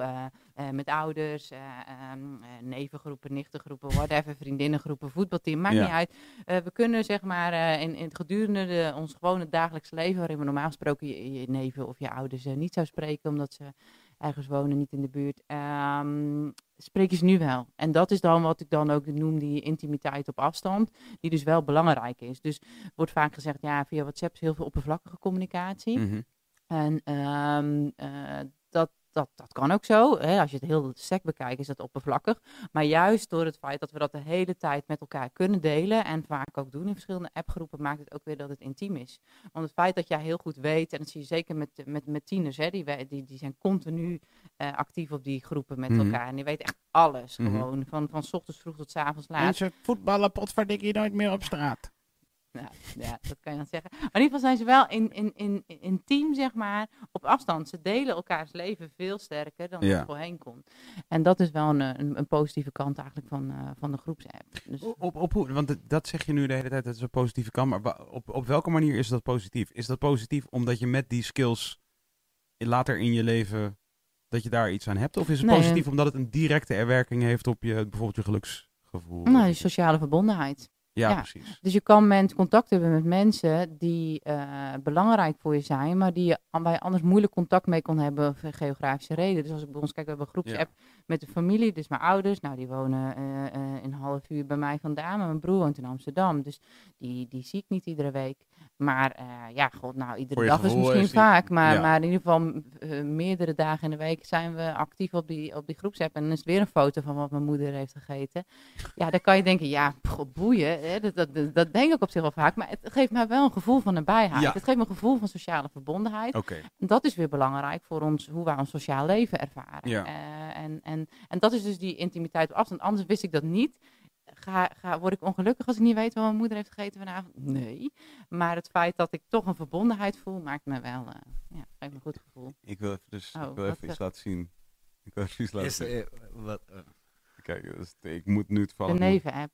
Oké, het lijkt er- oh, ik heb, ik heb trouwens, ik zie nu ineens dat ik heb wel, eh, ik heb dus, ik zie ineens dat ik wel, eh, ik zag wel net op mijn app dat er, Hoeveel je had? Oh, ja, ik zag het ineens wel. Ehm, even kijken. Eh, laatste berichtje van mijn vader, zuurkoolschotel. Ja, nou precies. Ik denk dat heel veel mensen in Nederland dit, eh, dit, dit, eh, Dit is- kennen. dit is letterlijk, wij, onze familie-app, dat, dat heet ook familie eten. Dat is letterlijk de enige vorm van communicatie die we hebben. Die- Maar iedereen die stuurt elke dag wat... eh, Iedere dag. ja, bijna Oh, of wel om en om. Wat maar jullie eten. Iedere dag komt er wel even langs Ja. wat er gegeten wordt. Ja. Maar dan moet ik wel even bij zeggen dat mijn broer en mijn zus allebei kok zijn. Oh, dat maakt wel uit. Ja, dan, doet, dan, is het een, een- dan is het een echt ding. Ja. Ja, mijn broer en mijn moeder hadden kok kunnen zijn. En ik post nooit iets van eten, dus ik had dat niet kunnen zijn. Ben, ben jij, eh, ben jij, heel, ben je heel, eh, heel zelf... Ik wil trouwens meteen nog heel even terug naar WhatsApp, want ik vind Ja. dat wel een hele interessante Ja. wereld. Maar ben, ben, jij, eh, ben, jij, ben, jij heel socia- ben jij heel bewust met eh, social media in de zin van... Kun je het doen zonder te bedenken de hele tijd...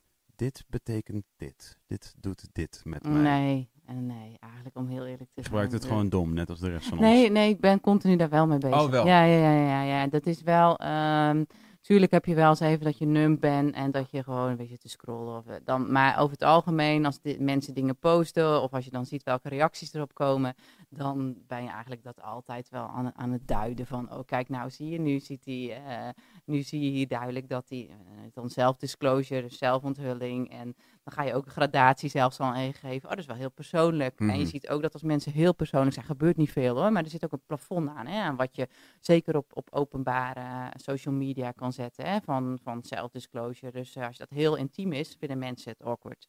Hm. En dan zie je ook meteen aan de reacties. Ja, ik, ik kan het niet eh, bekijken zonder, dat, eh, met, een- zonder een wetenschappelijke bril. Nee.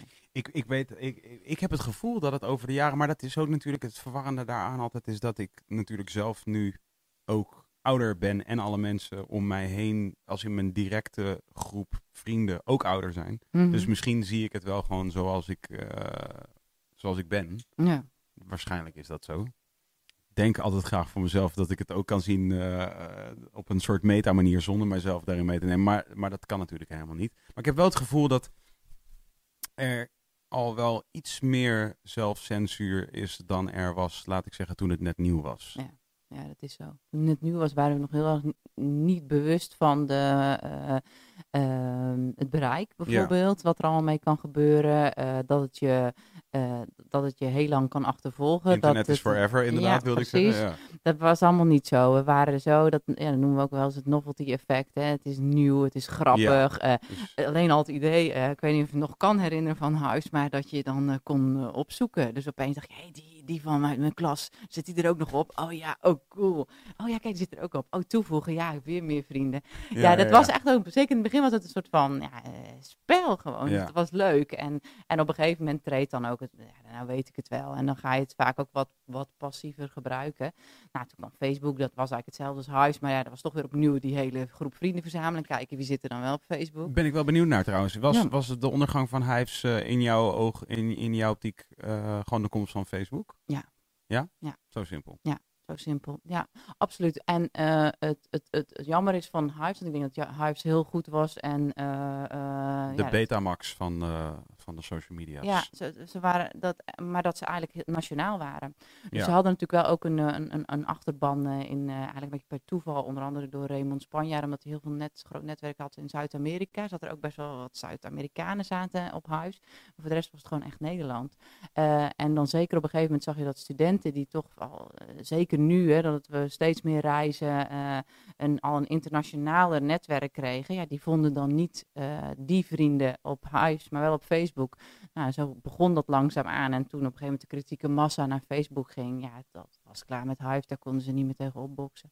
Ja. Dus dat was ook niet te stoppen geweest. eh, tenzij ze meteen eigenlijk vanaf het begin, eh, ook internationaal. Maar ja, ik, snap ook wel dat dat niet is gebeurd. Weet je. Je, je moet je voorstellen, er waren een paar jongens die hadden een bedrijf verkocht. Die hadden toevallig geld om een nieuw internetbedrijf te starten. En die zaten in de kelder met wat servers.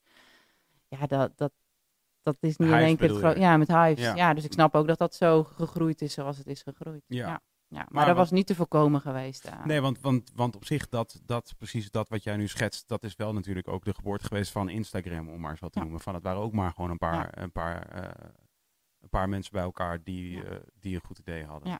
ja, natuurlijk ooit ook zo natuurlijk met Facebook. Maar ja, het voordeel van Instagram en natuurlijk ook van WhatsApp. En het zal met heel veel andere goede ideeën die nu eh, geboren gaan worden zo zijn, is dat, eh, dat Facebook ze koopt.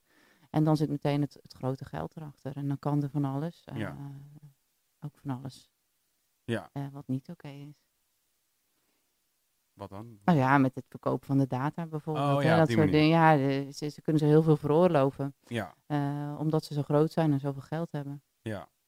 Ja. Ja, want dat is, dat is natuurlijk nog een, andere soort, een ander soort neveneffect van eh, social media. Is dus dat, het, dat er veel al wordt gedacht van nou, het is...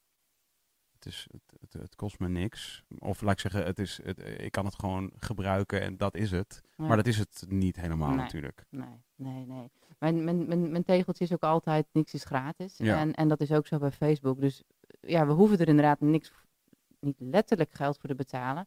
Maar we betalen er natuurlijk wel voor. We geven eh, ehm, onze gegevens weg. We geven een deel van onze privacy op. Ja, En eh, als dat een bewuste keuze is, vind ik dat ook helemaal niet erg. Weet je, dat is dan gewoon waar je op dat moment voor kiest. Van nou, oké, ik vind het prima om er niks voor te moeten betalen. ja. Nou ja, en dan hebben zij mijn gegevens en nou, de verkopers die door aan, aan adverteerders. Nou, prima. Maar wat natuurlijk wel zo is dat Facebook daar niet altijd even open is. En dat er ook allerlei dingen gebeurd zijn die niet helemaal in de haak zijn. Ehm, dus, dus dat is wel, ja, dat, vind, dat, dat, dat keur ik niet goed. Maar op zich, ja, weet je, dat was met Hives ook zo. Dat, ze hadden ooit toen geen advertenties. Maar ja, ondertussen staan ook, hè, letterlijk stonden daar die servers te draaien in de kelder. Ja, dat kost heel veel energie, kost Ja. geld. Ze groeiden en ze groeiden. Dan moet er een nieuwe server bij komen. Ja, wie gaat dat betalen? Het geld was op wat ze hadden van de Ja. verkoop. Weet je, dus ik bedoel n- niet dat ze eh, zielig zou zijn. Er uiteindelijk ook goed uitgekomen. Maar dan, en dan komt natuurlijk de adverteerder om de hoek. Ja. Zo gaat dat ja, altijd. Ik heb, het was wel, was wel echt een hele leuke tijd, omdat je had natuurlijk ook MySpace, was ook, ook in diezelfde Ja. soort fase. Misschien was dat nog ietsjes eerder. eerder nog, ja. En, ehm, eh, en ik weet nog heel goed dat er op een gegeven moment, dat is inmiddels een discussie die ook ja, eigenlijk een beetje is gaan liggen. Ehm, maar eh, op Hives kon je al streamen, wat eigenlijk best wel, muziek streamen Ja. specifiek. Wat eigenlijk best wel, ehm, eh, wat dat betreft, maar MySpace was natuurlijk daar het bekendste voorbeeld van eigenlijk, Ja. eh, aanvankelijk. Want dat, daar begon het eigenlijk een beetje mee. muziek. Ja, precies. En, ehm, en, maar we hadden op een gegeven moment op Hives dus dat mensen muziek gingen posten van, van ons bijvoorbeeld, of van Nederlandse, eh, mensen, Nederlandse artiesten en van platenlabels. Eh, voor de duidelijkheid, ik ben eigenaar van, of eigenaar van een plaatlabel. En, eh, eh, en dat wij op, toen begonnen te roepen op een gegeven moment van, hé, maar wacht even, dat, dat klopt helemaal niet. Jullie zijn dus nu, jullie zijn een, eh, jullie zijn een platform dat onze muziek aanbiedt. Ja. En wij worden er niet voor Betaald. betaald. En dat was best wel een hele interessante soort fase eh, toen. Die inmiddels gewoon eigenlijk, wat eigenlijk gewoon in bijna, bijna volledig is opgelost. In die zin dat ehm, mensen niet meer muziek downloaden, maar streamen Ja, op een platform dat wel Ja. eh, eh, betaalt. Of Ja. op een paar platformen die wel uitkeren. Ja. ja, ja, precies. Maar dat was wel Is dat, toen ook, is dat toen ook echt een, een, een zaak geweest? Of is dat, of is dat Ehm, nou, het, ging eigenlijk altijd tussen een x aantal. Het is nooit, volgens mij is het nooit een zaak geweest. Als in, er is nooit iemand per se die er echt een zaak van heeft gemaakt. Maar hij was wel in die zin nog best wel heel erg eh, bereikbaar. En wij hadden specifiek Ja. bijvoorbeeld zelf. eh, daar, er zat daar iemand eh, intern, een, een dame die. Wat ook, zij was ook destijds altijd een beetje een soort het gezicht van Hives. Volgens mij schreef zij ook zelf een soort van. Er was zo'n soort sectie waarin er dan blogjes vanuit Hives over Ja. Hives kwamen. Die schreef zij altijd. En die kenden wij, om- als in die zat een beetje in, in, het netwerk van de Ja. muziek, eh, van Amsterdam Muziek en zo. En ehm, eh, dus we konden haar altijd persoonlijk eigenlijk eh, berichtjes sturen. En toen hebben we dus, dus dat, dat deden we ook wel. Dus wij, dat gesprek was wel aan de hand van, wij zeiden dus ook wel van, hé, maar dat klopt niet helemaal. Van, als mensen gewoon maar zo vrij en blij hun muziek daar kunnen neerzetten, dat klopt niet. En volgens mij wat er wel aan de hand is geweest, is dat Hives en ehm, Buma Stemra volgens mij eh, Oké, met elkaar ja. eh, wel hebben, eh, daar wel discussie over hebben Ja. gehad. Van wat is het nou precies dat, wat, wat is het nou precies wat hier aan de hand is eigenlijk? Van wat gebeurt hier precies? Dat, dat was dus wat dat betreft ook wel een interessante fase. En ik denk ook belangrijk voor wat, wat het uiteindelijk geworden is. Als in Spotify en alle andere platforms ja, dat die is daar wel. Ja, ja, ja, ja. van eh, als, als, er, als er maar uitgekeerd werd, dan wil eh, ja, muziek Ja. is nog steeds een grote trekker voor mensen. Ja. Om eh, ook, een, ook een, een soort communicatiemiddel in die zin. En het, en het is natuurlijk een manier hoe je heel goed kunt laten weten wat voor persoon jij bent. Ja. Door bijvoorbeeld Ja. een liedje te draaien. En dat zie je wel bij, Spotify is eigenlijk ook eh, steeds meer een, een, een sociaal medium aan het worden. Hè? Dus het is natuurlijk van een muziekstreamingsdienst, maar Ja. ze, ze doen natuurlijk allerlei eh, eh, kenmerken implementeren, zeg maar, die het, het sociale aspect groter maken. Hè? Dus Mhm. inderdaad dat je kan zien wat je vrienden luisteren Ja. en, eh, en allemaal dat soort suggesties. Ja. Eh, dat, dat zie je wel, dat, ze, dat zie je dat ook games nemen dat steeds meer over, zeg maar. Het sociale element Ja. is wel heel belangrijk. Ja. En dat, eh, dat zie je daar ook. Ik weet, ik weet niet meer waar ik dit onlangs hoorde. Waarschijnlijk in een andere podcast. Vandaar is wat, waar ik alles hoor. Maar onlangs was er dus in, in eh, begreep ik, in Fortnite een concert georganiseerd. Heb je hiervan gehoord? Kun je dat eens zoeken, Twan? Hoor, je- hoor je Ja, ja, ja, ik heb hem. Sorry, ik was... eh Oh ja, Je was er meteen helemaal in. Ik zat er echt helemaal in. Dus, ehm, ik krijg een eh, pop-up van DJ Marshmallow trekt 10 miljoen bezoekers in Fortnite. Voor het eerst heeft een grote artiest een live optreden gegeven voor miljoenen spelers van de game Fortnite.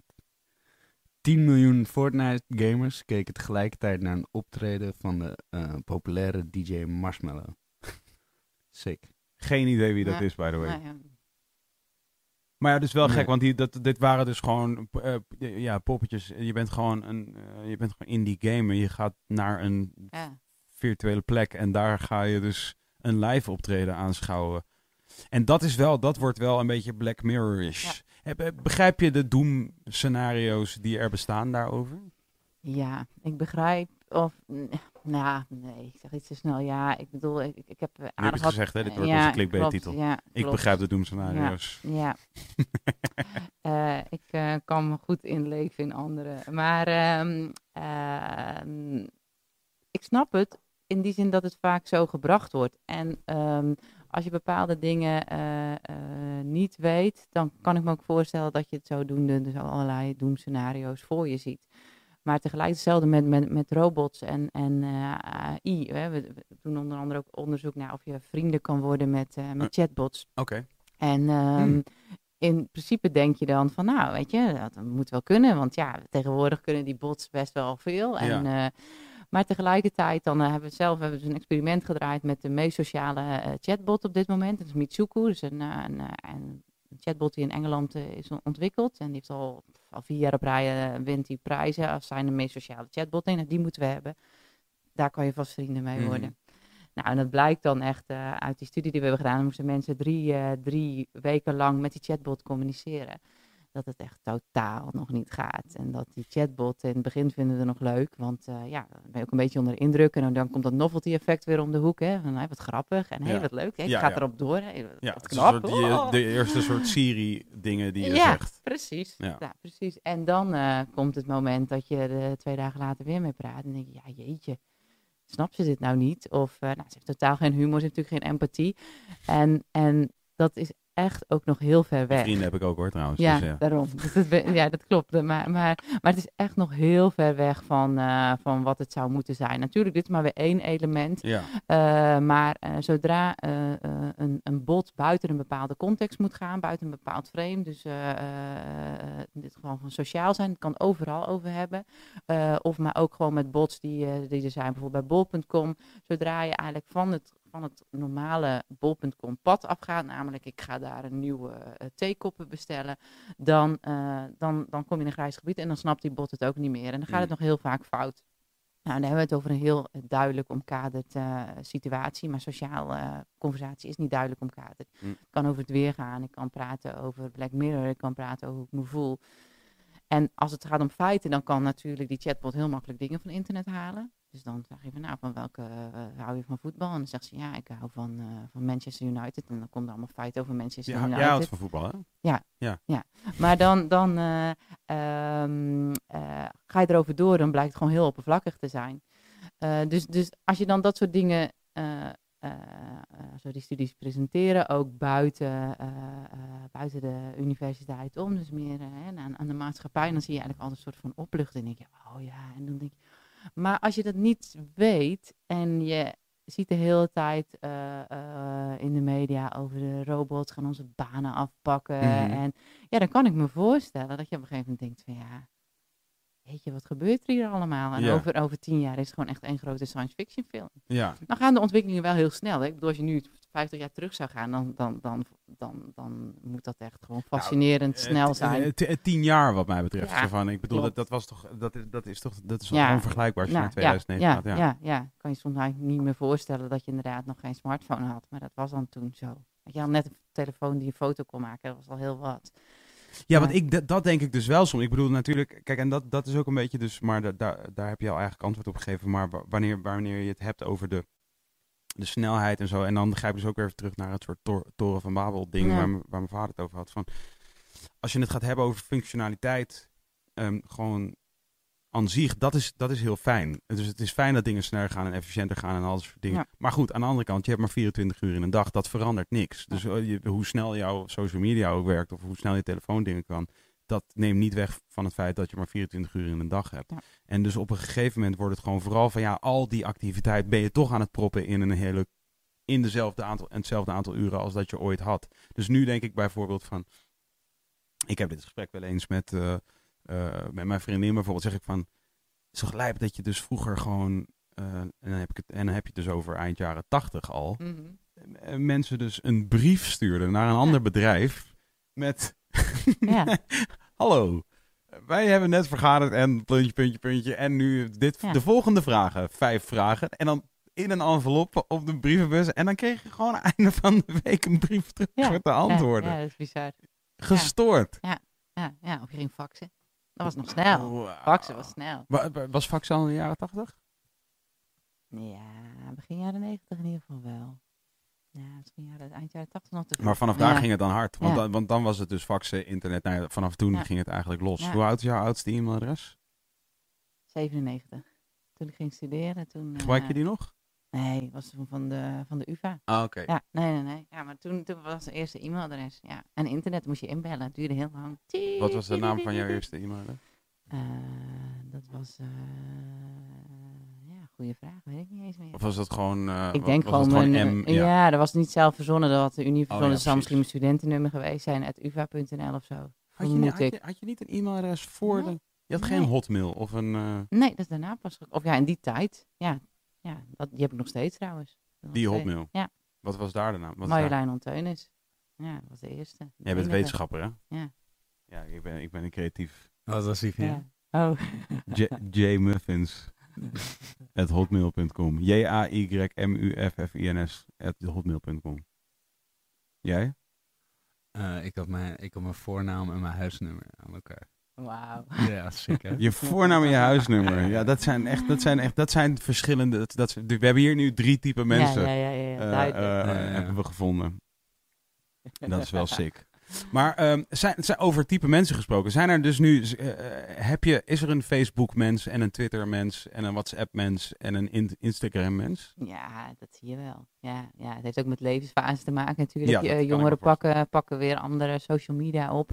Eh, en dan Ik kan me ook voorstellen dat Amerika anders is dan Nederland en al dat soort dingen. Ja, ja, maar ik denk het wel. In ieder geval vooral zeker de, de, de Twitter-mensen is wel eens een apart slag mensen. Ja? Zeg maar. ja, ja, ja, Twitter is ook veel meer een zendmedium. eh, dus minder echt om te interacteren. Maar Ja, je wil Het iets de wereld in helpen. mensen. Nou, dat, dat, dat, daar ga ik me niet aan wagen. Maar Dat denk ik wel. Dat denk ik wel. Ja, ik het zit zou- niet meer op het zou Twitter, zomaar het nu kunnen. zeggen. Het is misschien een leuke onderzoeksonderwerp, ja.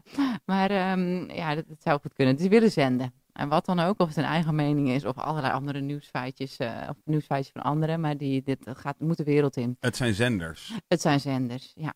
ja. Dus en dat is heel anders, hè. Dat is echt een informatiekanaal. ehm, en, en dat maakt ook dat, ondanks dat Twitter eh, niet populairder wordt, blijft het wel heel lang rondom hetzelfde aantal leden hangen. Want Ja. eigenlijk werd de, de neergang van Twitter volgens mij al eh, zeven jaar geleden nou, Aangekondigd. Maar Ja. ja. En het blijft ieder jaar meer eh, zo rond hetzelfde. Het zakt wel iets, maar het gaat heel langzaam. Hoeveel Het mensen heel er harde kern. wereldwijd? Vol- Wereldwijd niet, weet ik niet. In Nederland volgens mij 2,4 miljoen.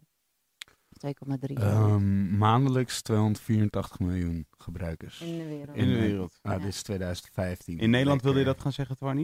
Nee, nee, 284? zeker niet. Oh. Zeker niet. Zit je zelf op Twitter? nee, ik heb wel een account, maar ik kijk, want ik, ik post mm, twee keer per jaar iets en dan sta ik altijd retweet. Ja, Maar ja, ik, sowieso- ben niet zo gestemd. Je eigen artikelen. De artikelen, de Nee, artikelen nee, over jezelf. niet. Ah. Nee, Sowieso waren er niet echt heel veel social media accounts van jou te vinden. Wat, wat, Nee, dat, wat ik eh, ook nee. opmerkelijk vond, is dat je een Instagram account hebt. Oh, nee. eh, met 50, eh, 49 posts. Maar nul followers en nul following. Hè? ja, dat is aangemaakt door anderen. Oh, echt? Ja, ik denk dat dat... eh, kan je daarbij dan eigenlijk? Want ik ben Oh, hier, echt... nou, heel hier zie je goed. hem achter. Professor Marjolein. Oh, oh ja, ah, dit is door een student. Ah, Nee, nee, dit is de, de- toen ik, eh, toen ik eh, eh, vorig jaar mijn oratie gaf, eh, toen eh, hebben mijn collega's dit aangemaakt. Ah. Maar kan je ook de post zien? Want dan ben ik wel nieuwsgierig Nee, nee, naar. nee, Want er dat staan is- dat foto's is op het waarvan dus. ik niet wil dat... eh, Nee, dat staat dus, dus account Oké. private, ja. Oh ja, Ja. ja, ja, ja, ja, ja. Ah, Ja, maar, dus- dus, dus- je hebt gewoon niet, de goede, niet het goede account gevonden, dan? Nou, dat andere account, daar staan misschien eh, drie foto's op. Maar dat, eh, nee, ik ben geen actieve social media gebruiker. Echt niet. Totaal niet eigenlijk. Hm. Ze zeggen altijd dat hetgene waar je onderzoek naar doet, ben je zelf niet goed in. Ja, precies. Ja. Maar ja, maar ben je dan ook, maar ben je dan ook niet, ben je sociaal wel goed? Ben je goed, ben je een sociaal mens? Ja, ik ben wel introvert, maar ik ben sociaal wel handig. Ja. Ah. Ja, ja. Wel Ik interessant. ben, ja, ik ben introvert, maar niet sociaal angstig. Nee, oké. Nee, nee, nee. Dus dat, eh, Hm. Maar het is niet dat eh, sommige mensen krijgen energie van eh, sociale interacties. Ik niet per se. Het is ook niet dat het me altijd veel energie kost hoor. Maar dat. eh, Nou, en dat is dus zo'n ding. Want ik, daar, daar, daar, zeg je wel iets waarvan ik dus denk van ja, volgens mij is dat dus wat ik. ehm, waar, waar ik dus nu, nu, nu van. Maar dat kan ook omdat ik in een andere levensfase ben inmiddels. Maar ik, ik, ik heb dus ook op een gegeven moment het gevoel gekregen van. eh, ik word helemaal niet blij van al deze eh, shit. De hele tijd.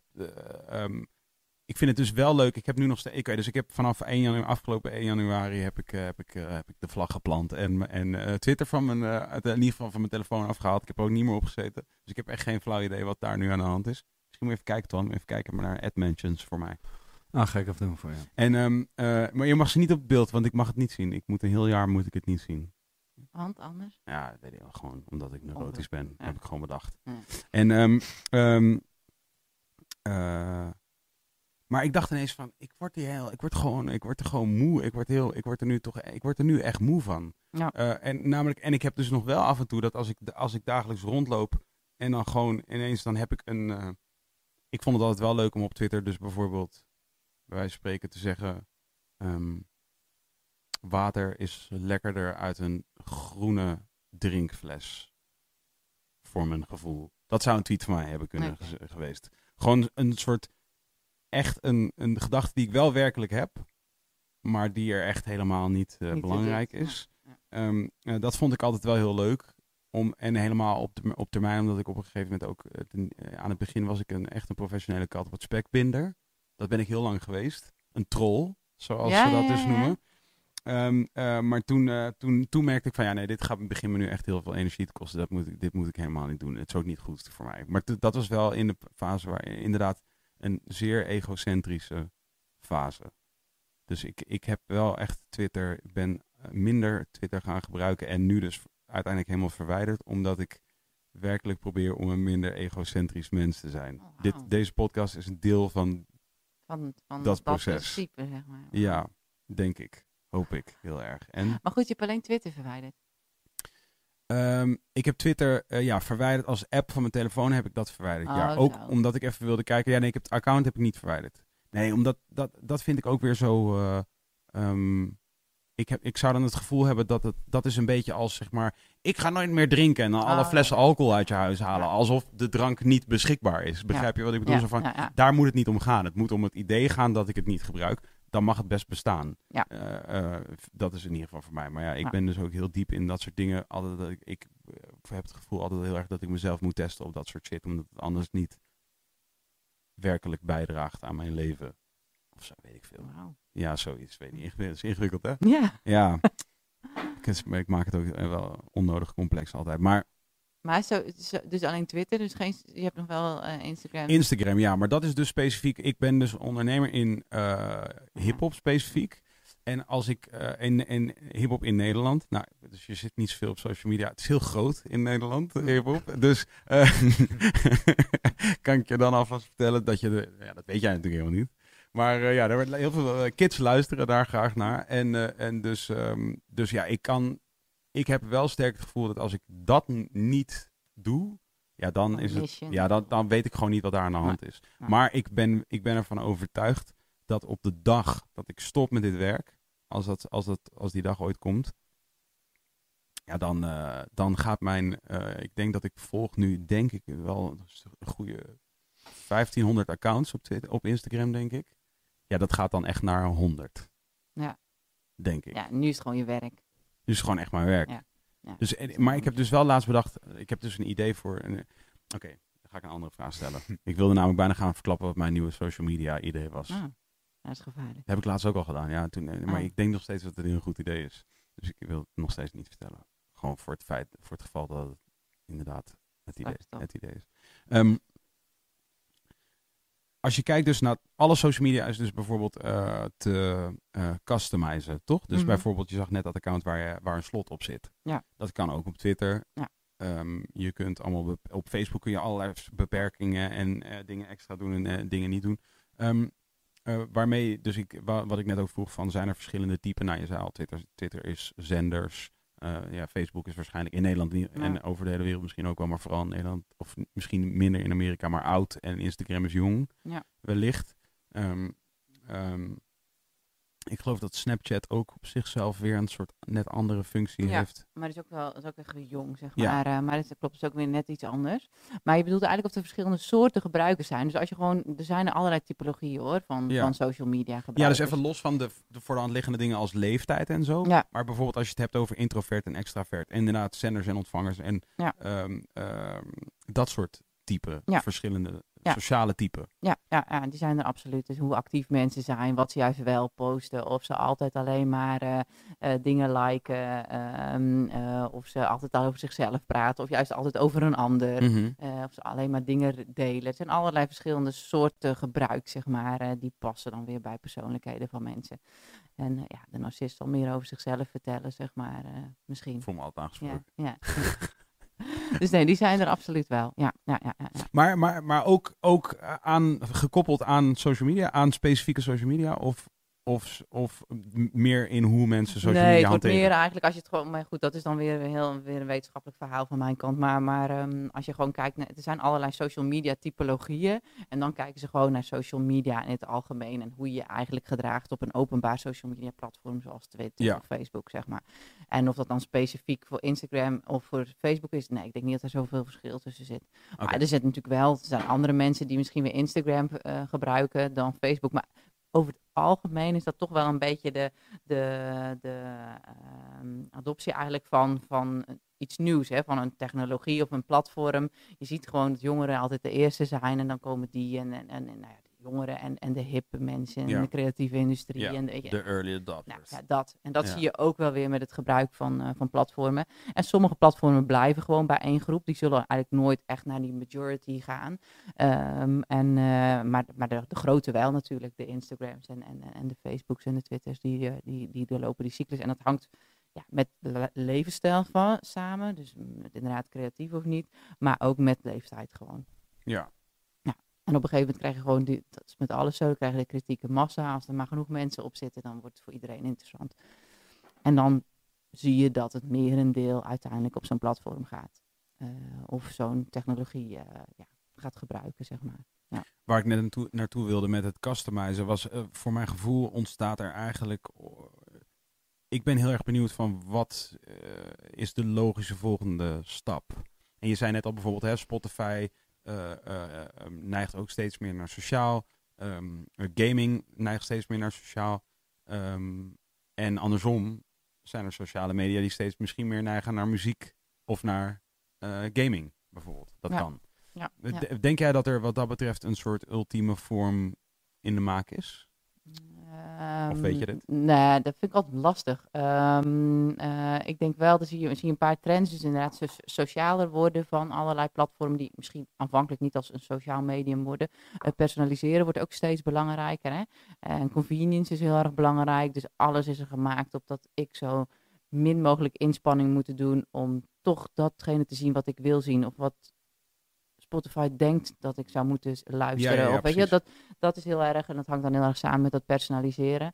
Eh, en je ziet natuurlijk dat steeds meer, eh, meer eh, verschillende eigenschappen op één platform komen. Hè. Dus als je bijvoorbeeld kijkt naar WeChat in, in, in China, eh, dan zie je eigenlijk dat dat is een, een WhatsApp, een Facebook en, en streaming. Het is alles bij elkaar. En dat is ontzettend su- succesvol. En dat zie je ook wel buiten China, dat daar een, een, een, een neiging naar is om, om steeds meer verschillende dingen op één platform Ja. te combineren. Ja, Ja, dat lijkt me ook wel echt. Dat, zou, dat lijkt me echt super, super chill. Ja, ja. Toch? alleen Gewoon- al gewoon vanwege het feit dat het al te veel moeite is om, eh, om tien verschillende platformen te openen. Ja, Weet je, we moeten gewoon allemaal onder één bedieningspaneel hebben. ja, Ja. dat zou wel echt handig zijn. Ja. Ja, is dat, was dat bij je idee wat je hebt? Ehm, nou, het idee wat ik heb, kan ik wel verklappen. Het idee wat ik heb, ik, ik ga niet de echte ding verklappen. Maar, maar laat ik zeggen wat mijn, wat mijn, eh, mijn soort thought process was om te komen tot het idee. eh, is, is dus dat van oké, mijn, eh, mijn gewoon het Instagram ding dat ik ben, mijn eigen Instagram account. Wat ik ben gestart toen ik eh, nog eh, in een gekke fase was van mijn artiest zijn. Namelijk, ik was in, ik was, wilde niet, ik wilde eigenlijk heel graag niet bekend zijn ermee. Ja, gelukt. Ja, precies. Maar dus de. Thanks. Maar de. Maar de ehm, eh, en dus gooide ik er, een- had ik er een slot op zitten. Op Instagram eigenlijk. Toen ik hem startte. Omdat dus mijn Twitter. eh, daar was ik. eh, daar, daar zaten wel. eh, daar zaten voor die tijd best wel veel mensen op. En dat vond ik. Daar, ik ging er heel slecht op. Gewoon maar überhaupt. Op publieke.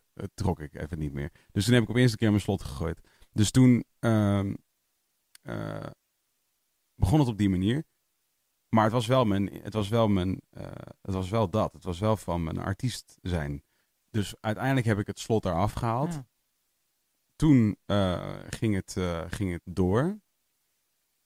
En nu is het dus, nu is het dus verworden tot ja, mijn werkaccount, if you will. En voor alle mensen die, die misschien luisteren en het nu vinden dat ik er heel non-romantisch of heel onromantisch praat over, over dat wat ik doe. Want het werk is altijd zo'n kutwoord voor, Ja. voor iets. Maar zo van, laat ik het zo zeggen, mijn persoonlijke, als het echt mijn persoonlijke ding was, zou het net een ander ding zijn. Zeg maar. Ik zou het op zich hartstikke leuk vinden om af en toe een foto te maken van mijn huis of zo. En dat doe ik nu gewoon niet. Nee. Zeg maar. Nee. Van, want nu doe ik het expres niet, omdat ik denk, ja, nu ik wil Houdt niet dat ik wil niet dat mensen zien in mijn huis. Dus, eh, ehm, dus dat doe ik niet. Maar, ehm, ehm, dus wat ik laatst had denken was, ik kan natuurlijk gewoon, want dat kan op, eh, op alle so- sociale media in principe, van, ik kan natuurlijk gewoon een tweede account maken. Dat hebben mensen ook. En toen dacht ik ineens van, hé, hey, ik kan natuurlijk als ik wil, want, de, want inderdaad, algoritmen waar we het net over hebben, bepalen dus dat ik dingen leuk vind op, mijn, op Instagram, Ja. die ik helemaal niet leuk vind. Maar alle mensen die ik volg vinden het leuk. Dus ja, Dus ik vind het ook leuk, Ja. is wat Instagram heeft bedacht. dat ik. Maar dat is helemaal niet waar, want ik volg namelijk al een heleboel mensen die ik niet leuk vind. ja. Dus ha, jokes on you Instagram. Ik ben helemaal niet geïnteresseerd in auto's of zo. Maar toevallig alle mensen die ik volg zijn geïnteresseerd in auto's. En ik ben Krijg jij dat ook al? eh, Ja. Ehm, dus toen dacht ik, oké, misschien moet ik gewoon nog een account starten. Of misschien moet ik gewoon een x-aantal accounts starten op Instagram. Specifiek toegespitst op onderwerpen die ik boeiend vind. Dus laat ik zeggen werk. Ehm, ehm, MMA. Dat vind, vind ik vet. Eh, vechtsport. Oh, oké, maar. Ehm, ehm, surfen. En grappige shit. Gewoon, dat is een grote, grote verzamelgroep aan grappige shit. Zeg maar. Dus dat zijn dan eh, vier accounts. Ja. En dan kan ik gewoon switchen tussen waar ik Waar zin in zin hebt. in heb. Zeg maar. Maar ga je dat ook doen? Want het is best wel veel moeite, denk ik. Is dat veel moeite? denk ik, poeh, man, jeetje. Hoezo is dat veel moeite? Nou, ja, A, je moet al weten waar je zin in hebt op dat moment.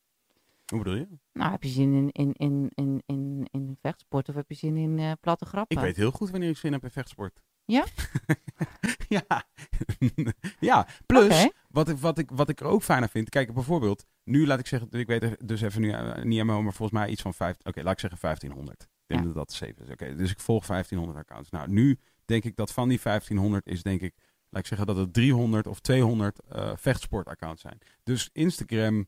Ehm, Ja, het raakt ondergesneeuwd tussen, eh, onder Ja, de auto. precies. Ja. Nou ja, terwijl- dit is, want nee, ik snap, want ik voor mijn werk wel, ben ik heel veel aan het checken op, laat ik zeggen, hip-hop. Ja. En ik vind hip-hop ook vet, dus dat is ook prima. Maar ik wil wel die MMA-shit ook zien. Ja. En dus nu En krijg ik allerlei... ja, hiphop. precies. Dus, dus, dus, dus ik baal er een beetje van soms dat dingen ondergesneeuwd zijn. Dus soms heb ik wel eens dat ik gewoon ga door de lijst van dingen die ik volg. Om eens te kijken, wat, wat krijg ik eigenlijk nooit te zien? Want ik weet dat het zo werkt. Dat als ik dan gewoon bewust dat account in ieder geval aanzet en één keer comment onder iets, Dan ben je binnen. ben ik weer terug Ja. in dat account. En Ja. denk ik van, jezus Instagram, je maakt het wel echt ingewikkeld voor mij dat ik helemaal soort moet Je gaat eigenlijk managen. Instagram ga je managen. Ja. Ja. Ja, ja, ja, ja. Maar zou je niet, waarom maak je niet één account met eh, waarin je dan eh, eh, eh, eh, evenveel surfen, eh, martial arts eh, en grappen en wat de andere was, weet ik niet meer. Mm, Hip-hop, nee. Ja, nou, ja, was zoiets. en la- eh, eh, activeert, zeg maar, zodat je dat in ieder geval op één platform krijgt. Dat heb ik nu toch op Instagram dan? Nee, want het wordt raakt ondergesneeuwd door die auto's. Je hebt te veel andersdenkenden eigenlijk op je, Ja. eh, volgens Instagram in ieder geval. ja, dus jij zegt dat zou de- in verhouding moeten zijn. Dan Ja. ben je al beter Ja, af. want daardoor raken dus die, die, die vechtsporten raken ondergesneeuwd. Want je Ja. volgt ook wel wat vechtsport is op Ja. je Instagram-account. Ja. Dus waarom, nee, dat is eigenlijk mijn vraag. Waarom wil je aparte? Dus ik snap dat je nou, dus eigenlijk twee werk is verschillende het heel wil handig. Ja, mij dat snap ik. ja, maar waarom zou je dan vier aparte willen? Dus je kan ik een werk hebben dat en mijn leven bestaat uit vier Ja. facetten. Ja, het vier, de belo- vier jaargetijden. Ja, de vierjarige tijden Ja. inderdaad. Dus ik heb dat, dat is het. Dus ik heb, laat ik zeggen, werk, privé. Oh ja, dat was trouwens een belangrijke groep, heb ik niet genoemd. Privé wil je dan natuurlijk ook. Ja. Dus gewoon, dit zijn, dat lijkt me ook trouwens super sick. Dat heb ik ook overwogen voor Twitter. Is om eh, specifiek alleen mijn tien beste vrienden te volgen op Twitter. Dat lijkt me ook heel Ja. sick. Ja, een apart account. Dat vind ik wel leuk. Ja, dat Ja. lijkt me ook echt leuk. Om te kijken voor hoe weinig mijn beste vrienden eigenlijk te ze- zeggen. Ja. Maar zo dat je gewoon kunt, pff, alweer een hele dag niks. Ja. dat lijkt me echt vet. Ja, toch? Van, ik werd helemaal lijp op een gegeven moment. Maar het wel eigenlijk een leuk experiment. Ja, toch? Gewoon alleen je beste maak, vrienden. Maak een account aan en dan een maand lang of zo. En alleen je beste vrienden. En dan kijken wat er gebeurt. Op Instagram, ja. Ja, Want ja. dat heb ik dus bijvoorbeeld Ja. ook. Mijn beste vrienden, eh, laat ik zeggen, in ieder geval een x aantal van mijn beste vrienden, die zie ik dus gewoon niet in Instagram stories bijvoorbeeld. Nee, nee, nee, Ja, dat vind ik echt vreselijk. Dat vind ik echt heel erg. Ja, Dan denk ik echt van ja, dat wil ik wel gewoon. Maar Ja. omdat natuurlijk deze andere soort fucking kut influencers. Sorry, we zijn nu al te lang aan het praten. Ik ga dan schelden Ja, op een gegeven ja, moment. ja. Dat is gewoon eh, mijn, mijn primal instinct. Eh, maar dan ehm, deze influencers verpesten gewoon, eh, die fladden gewoon mijn hele Instagram, waardoor ik gewoon en ik ben dan zo gewoon dus wel dom genoeg om dan, oh oké, Sophie Milzink heeft een eh, Instagram story. Nou ga ik maar weer eens checken. ja maar kijk, ja, dan Next thing you know zit zij Ja, gewoon voor in mijn Instagram stories. En mijn Ja. beste vrienden gewoon niet meer. Ja, Ja. ja. Ja, dan weet Haasje. dat is kut dit allemaal. Ja, maar ik vind het een leuk plan. Maar ik zou niet vier verschillende platformen maken. Ik ga dat denk ik ook doen. Ik stuur, En, en ik stuur je wel mijn bevindingen. de- ja, ga- fijn. En oké, dus, dus dat, dat, dat, dat, dat hebben we gecoverd. Jij denkt, oh ja, dus We, eh, hoe heette dat ook weer uit China? WeChat. WeChat. Ja. Dat, dat kunnen we al doen hier. Ja, Of is dit, gewoon iets wat, is dit iets wat specifiek de Chinese regering heeft afgesloten voor de rest van de wereld? Dat durf ik niet Zo zeggen, maar ze. volgens mij kan je ook gewoon... Er zijn ook mensen in Nederland die op WeChat zitten, dus ja, dat kan. Weet jij hiervan, Twan? Zit jij op WeChat? Ja, Nee. vooral Nee. eh, Chinezen. Zitten op WeChat. Ik zit er nu mee, ben er nu een beetje over aan het lezen. Heel populair. Oh, in Nederland ook. Nee, in China, maar wel eh, Chinezen die in Nederland leven, die ook op Ah. WeChat zitten, ja. Oh ja, die zijn daar dan de hele dag ba- babyvoeding eh, met elkaar. eh, babyvoeding tips. ah, that's racist. Sorry. Bijvoorbeeld. Zie je, dat is ook als ik, als ik moeier word, dan ga ja, I dat- get racist. Ja, Ehm, even kijken. Oh ja, dus ehm, dat is wat je denkt dat er wel gaat gebeuren. Dus meer dingen bij elkaar.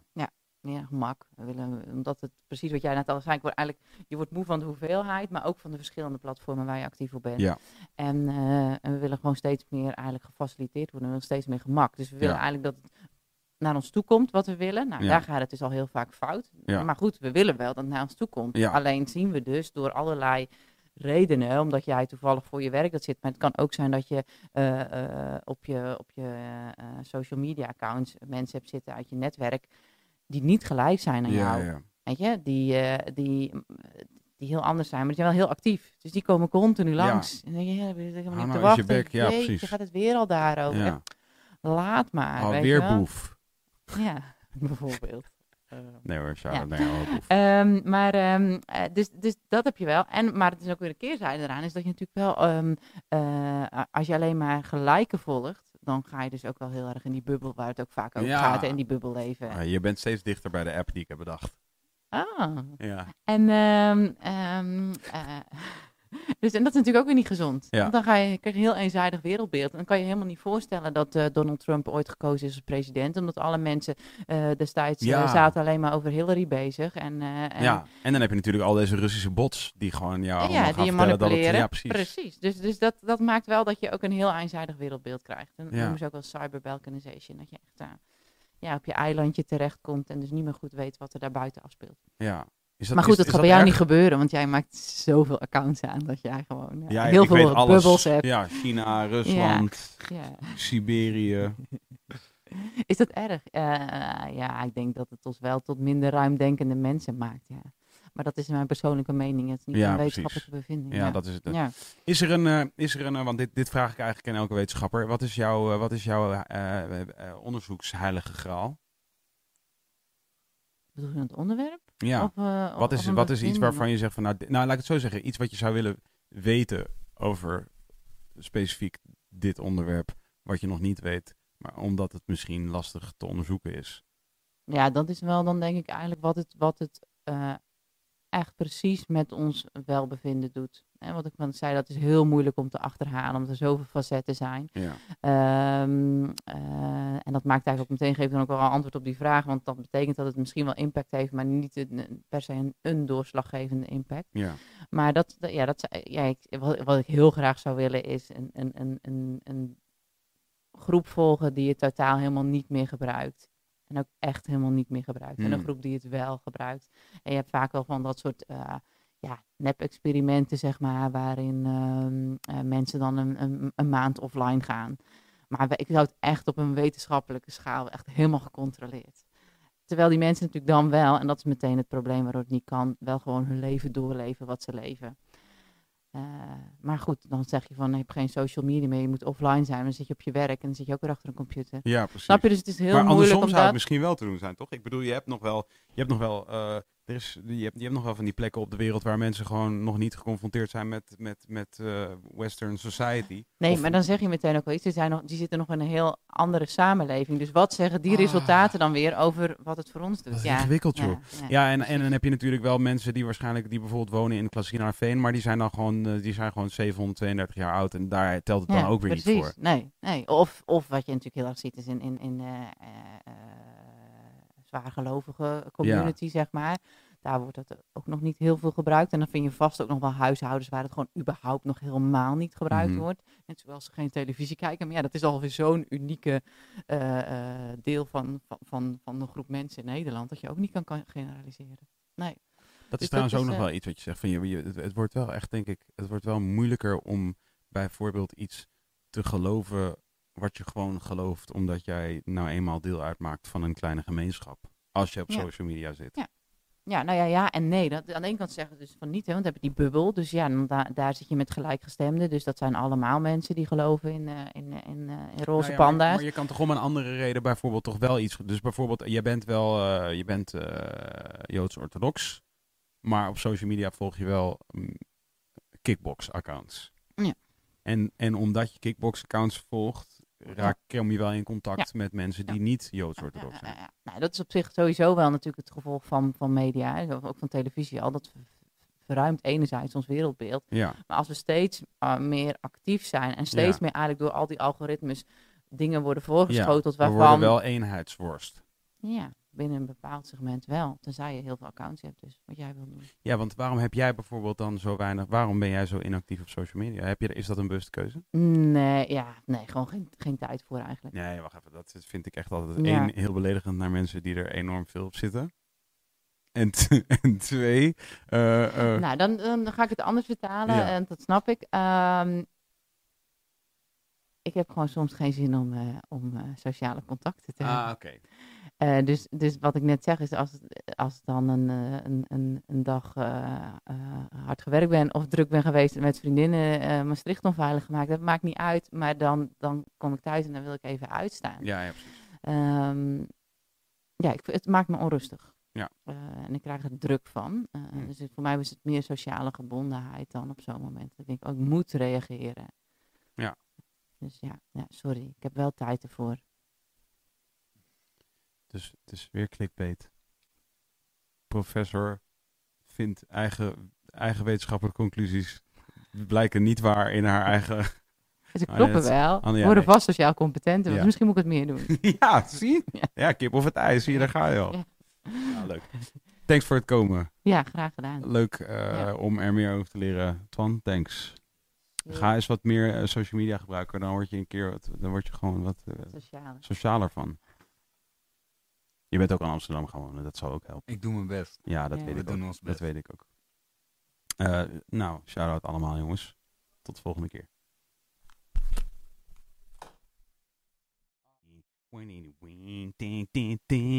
Nog steeds hetzelfde liedje in mijn hoofd. Kan niks aan doen. Zo gaan die dingen. Je weet precies wat het is. Vond je het leuk om te luisteren naar Wilde Haren, de podcast? Top, support ons dan. Ik heb je al uitgelegd, eh, helemaal aan het begin van de podcast, dat je een trui kunt kopen. Je kan ook een t-shirt kopen. Mail naar rampenplantwan.wildeharendepodcast.nl Abonneer ook in de iTunes-app op Wilde Haren, de podcast. Rate ons, geef ons vijf sterren.